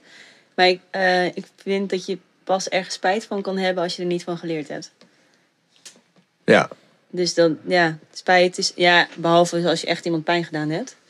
maar daar kan je ook van leren Daar natuurlijk. kan je ook van leren, maar dan, dan heb je iemand anders ja, kleiner gemaakt, denk ik. En dan, daar mag je best spijt van hebben. Maar eh, nee, nee, geen spijt. Nergens, denk ik van. Het is zo grappig dat mensen dan... Ik, ik heb eh, bijvoorbeeld nu in zo'n al- alternatieve realiteit leven met, met, met socials en, en eh, zo'n plastic avatarwereld eigenlijk, wat het is. Hoe zie je dat terug in jouw studenten? Hmm, dat is een goeie, ja. Ehm ja, weet niet, want ik, eh, ik heb ze natuurlijk in mijn les zitten. Dus ik zie echte mensen. En ik ga ook het echte con- contact aan, het echte gesprek aan. Ik denk wel dat, eh, eh, dat er heel mooi naar buiten een heel mooi beeld kan laten zien van hoe, hoe mooi een leven wel niet is. En dat dat best wel lastig is, ook als je de hele tijd om je heen hele mooie leven ziet. En dat je daar, tenminste ik zie wel sommige mensen daaraan onderdoor gaan die daar juist heel onzeker van worden. Maar in mijn lessen en in mijn school zelf en in het contact wat ik met ze heb, dat is echt contact. Dus dan kunnen we het daar ook juist over hebben. Ik denk wel dat het moeilijker is geworden om jong te zijn. Juist omdat je zoveel prikkels om je heen hebt en, eh, eh, en soms ook wel aan een soort van plaatje denkt te moeten voldoen, omdat je dat om je heen ziet. Omdat je niet de stomme dingen op social media gaat zetten, alleen maar de hele toffe dingen. En dat het soms best wel, dat daar best wel druk op gelegd wordt. Maar in mijn lessen en in, in het werk wat ik dat doe als ik op school ben, zie ik dat veel minder terug, omdat ik dan gewoon de echte gesprekken doe. Ja. Gelukkig. Ja, want het lijkt me echt, echt verschrikkelijk. Wat vertel, een een, een eh, vriend van mij die, die vertelde dat zijn eh, dochtertje van eh, vier toen de tijd met de telefoon rondliep. Met zijn telefoon en dan het vloggen was. Mhm. Zo van, ja, ik ben hier in mijn kamer en dit is de plant en dit is dit en dat. En dan wil ze op YouTube zetten en zo. En dat hij dan zei van, ja, no fucking way Nee. dat dit gaat gebeuren, weet je wel. Ja, hoezo niet? zo van, iedereen doet het. Dus je denkt van, ja, Met vier, joh. Ja, het is Ja. echt jong, joh. Ja, Ja. hè? Ik vind het wel erg, joh. ja, maar ook gewoon, dit is, dit is de plant. Weet je wel? Ja, maar denk, ze is wel vier. Ja, ja, Ja, ja. precies. Ja. Nou, de plant kan heel mooi zijn. Ja. Ja, maar Nee, dat- ik, trouwens, ik zit wel te denken... Ik heb wel natuurlijk last van telefoons in de les. ja. En, eh, en ook wel dat mensen selfies gaan maken. En dat soms best wel, kan best wel irritant zijn. Want het is best wel mo- moeilijk om een telefoon, eh, als hij afgaat, om daar niet naar te kijken. Dus je hebt wel de hele tijd last van, eh, van prikkels. En daar zijn we ook wel met het docententeam wel mee bezig. Met wanneer moet je wel een telefoon hebben, wanneer niet. Eh, aan het kijken wat we daarmee kunnen. Maar zo'n dat ding, dat is gewoon een soort van... eh, ja, is super aantrekkelijk om daar iets mee te doen. Dat merk ik wel. Het is wel een extra prikkel waar je ook in de les heel veel mee te maken hebt. Jij lijkt me niet een persoon die een telefoon afpakt en door het raam eruit gooit. Maar Nee, maar ik heb wel zijn telefoon nog gepakt. Ja, ja. Ja. dan flipt iemand hem volgens mij ook volledig, of niet? Eh, valt wel mee, want meestal heb ik wel gezegd dat, dat ik hem ga afpakken als je hem niet wegdoet. Dus, eh, maar ik ben niet iemand die de hele tijd zegt nu... Nee, nee trouwens, doe ik trouwens wel. Ik zeg, als ik, maar ik doe het dan altijd in... Als ik aan het uitleggen ben en ik zie een telefoon... dan zeg ik gewoon in, in de uitleg, in die zin zelf... Oké, doe jij even je telefoon eh, weg. En dan heeft iemand opeens door dat hij een telefoon lang, eh, vast heeft. Want heel vaak hebben ze dat zelf niet eens door, omdat het automatisch gaat. en dan is het ook oké. Maak er nooit een big deal van of zo. Nee, nee. Ja, dat, dat- je zou eigenlijk gewoon van die klaslokalen moeten hebben die dan, dan in één keer zo hermetisch op Ja, van die je- bunkers. Ja, van die bunkers, waar gewoon geen, geen wifi of whatever is, zeg maar. Ja, maar dat, die heb ik ook weer nodig voor mijn lessen. Hè? Dus. Ja, maar, ja, maar dat doe je toch gewoon met een stekkertje? Ja, je hebt van die comedy eh, shows en waarschijnlijk is dat gewoon, ja, dat weet jij misschien wel, omdat je evenementen doet. Eh, je hebt veel van die stand-up comedians, en vooral van, van Amerikaanse ken ik, die, die eh, als publiek binnenkomen, dan krijgen ze een soort van zakje Mhm. waar je telefoon dan in gaat. Die ken ik niet, maar, eh, maar ik kan me wel voorstellen. Nou, je hebt wel scholen die echt bij de deur eh, Een bak hebben of. Ja, een bak of zo'n zakjes ding hebben waar je je telefoon in moet ja, dat gooien. heb ik ook wel eens gezien. Maar ik vind dat zelf een beetje. eh, alleen als ze er zelf om vragen. eh, maar ik vind dat ze ook moeten leren om ermee om te gaan. En daar moeten ze ook een beetje bij helpen. Maar ja, als het, als het leren om mee om te gaan is dat ze hem wegleggen. Als, Mhm. ja, als iets anders belangrijk is. Ja. dit is even echt te leven. Ja, maar als ik ga bepalen voor hun dat zij een telefoon in dat zakje moeten doen, dan Mhm. krijg je gezeik. Mhm. Want dan, dan zit je aan hun, aan hun spullen, zeg maar. Dan is het dan is het lastig als je hun zelf laat inzien dat ze die telefoon niet bij zich hoeven te hebben en dat ze, dat ze moeten gaan leren, zeg maar. Dan heb je zoveel winst. Eh, Er lijkt me een soort van beleid wat je met- op, op hoger niveau moet gaan Ja. bedenken, toch? Dat, dat zit je niet in je eentje, toch? Nee, nee, Maar heb je daar dan meetings bij eh, met, met nee, nee, we hebben het met, het docententeam. docenten? Ja, we hebben het met het docententeam er natuurlijk wel over. En, en eh, bij theorielessen moeten die telefoons gewoon eigenlijk aan de kant. Hmm. En de ene docent is daar iets strikter op en die pakt hem gelijk af. En de andere docent die is er iets relaxter mee en die pakt hem na, na twee keer af, zeg maar. En ik pak niet heel vaak telefoons wel af, maar ik, zeg, ik noem het wel altijd eventjes.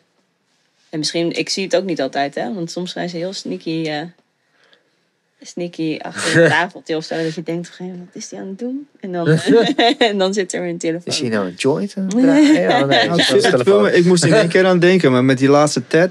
Mhm. eh, toen zat, zat ik helemaal boven, zeg maar, bij de artiesten. En kon ik zo naar beneden kijken. Dat zie je wel, En hè? er was een dame die eh TED eh, gespraat ding Ja. aan het houden was. eh, Over eh, connectiviteit en samen zijn en bij het moment.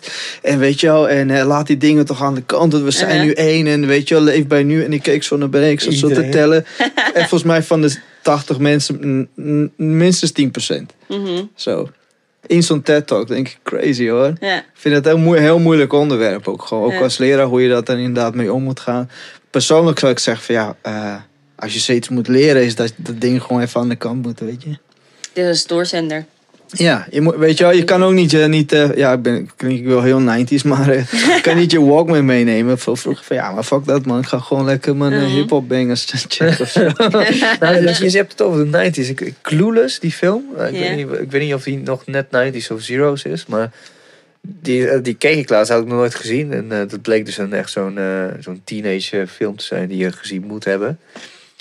En daar hebben ze dus gewoon nog van die koelkastmobieltjes. En dat is alleen voor de rijke luidjes. En dan is het op een gegeven moment zitten ze dan aan tafel. En dan gaat haar telefoon af. En dan die paasadvocaat zegt...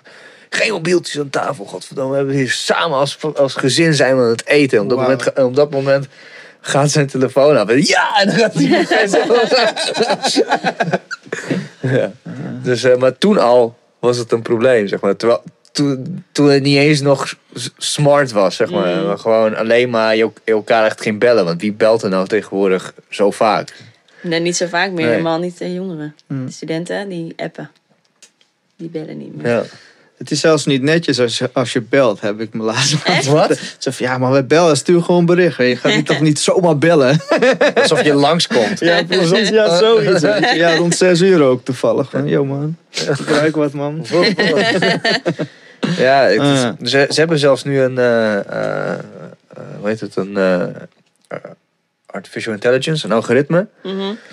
Eh, dat de camera van je telefoon gebruikt en dan eh, bepaalt eh, hoe jij reageert aan gezichtstrekkingen en tone of voice en al die dingen. Mhm. En dat is zelfs zo ver gevorderd dat jij ehm, tot aan de middenmanagement functies van Unilever, dat je je eerste ronde van een sollicitatie daarmee doet vanaf de bank. Ja, dat is best wel pittig. Dat is zeker, want het is eigenlijk gewoon een leugendetector. Ja, Die kijkt op je, die geeft dan percentages, eh, geeft dan een rapport zo van ja, deze persoon is zoveel procent gekwalificeerd in deze en Mhm. deze en deze levels. Het houdt rekening met diversiteit, dus dat betekent gender, mhm. eh, eh, sociaal-economische achtergrond en etniciteit. Dus dat is best wel, dat is best wel heftig. En het wordt nu al gebruikt door, Ja. door Unilever. En datzelfde, datzelfde algoritmetje is ook voor eh, Walmart. Hebben ze daar, draaien ze daar test mee. Dat je ehm, eh, op het moment dat je gewoon een beetje moeilijk kijkt bij een prijs, dan krijg je korting.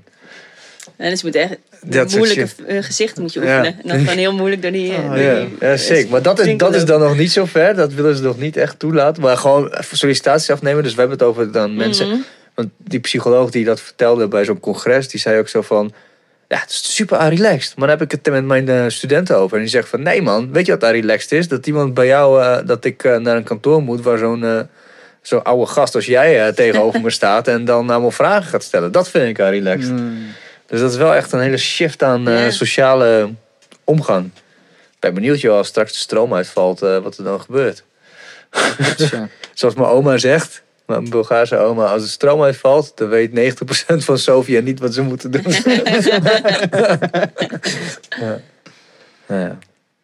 We zijn eh, bijna op twee uur. Wow, Ja, sick hè? ja. Wat, eh, wat kunnen we nog van, eh, van jou verwachten de komende tijd? Oei, ehm, Weinig. Tijd weinig. Ja, tijd voor mezelf. Nee, ehm, nee, er zijn nog wel wat dingen wat- die ik wil doen. Alleen ik weet niet of dat de komende tijd gaat gebeuren. Maar ik heb nog altijd... Ik heb zelf, dat zei ik net, eh, dat ik best wel lastig vind om keuze te maken. Omdat ik alles leuk vind. Dat is ook iets wat ik heel erg terugzie bij jongeren. Dus daar wil ik nog iets mee. Een boek of een documentaire of zoiets. Dus dat is nog iets wat ik, wat ik echt zelf wil. Ik moet even kijken waar de tijd vandaan haalt. En verder eh, denk dat je, wat je van me gaat zien, is hele toffe studenten die afgestudeerd zijn en die in de wereld eh, werken, waar ik heel trots op ben, die ik eh, zo vrijlaat, denk ik. Leuk. Ik denk dat je dat vooral gaat zien. En TEDx? TEDx eh, ook, absoluut. Gaat, we gaan weer een nieuwe editie doen. Maar wel eh, in april pas. Dus niet de komende april, maar april 2021. Oh, dat is echt een... eh, Ja, eh, bewust voor gekozen omdat hij nu net naar de zomervakantie zat. En dat was best wel lastig. Helemaal met de coaches en, en de sprekers. En iedereen, ons hele team gaat er ook een tijdje uit in de zomervakantie. Dus je moet eigenlijk gewoon de hele tijd doorgaan. En de sprekers die hebben ook hun vakanties. De sprekerscoaches hebben ook hun vakanties. Dus we merkten dat het best wel lastig was om iedereen in, want het was nu 14 oktober, er goed bij te krijgen. Dus we willen weer terug naar april waar we ook eigenlijk al zaten. Omdat dat qua voorbereiding gewoon fijner is. ah ja. Dus er komt een nieuwe TEDx, maar die eh, gaat Skip iets even. langer, iets langer op zich wachten. Ja. Cool. Nou, dan eh, hebben we je de, vast rond die tijd wel weer hier. ja, ik vond het echt leuk dat je er was. Dankjewel. Ik ook. En eh jee, klats. Gaan we offline aan jullie heen.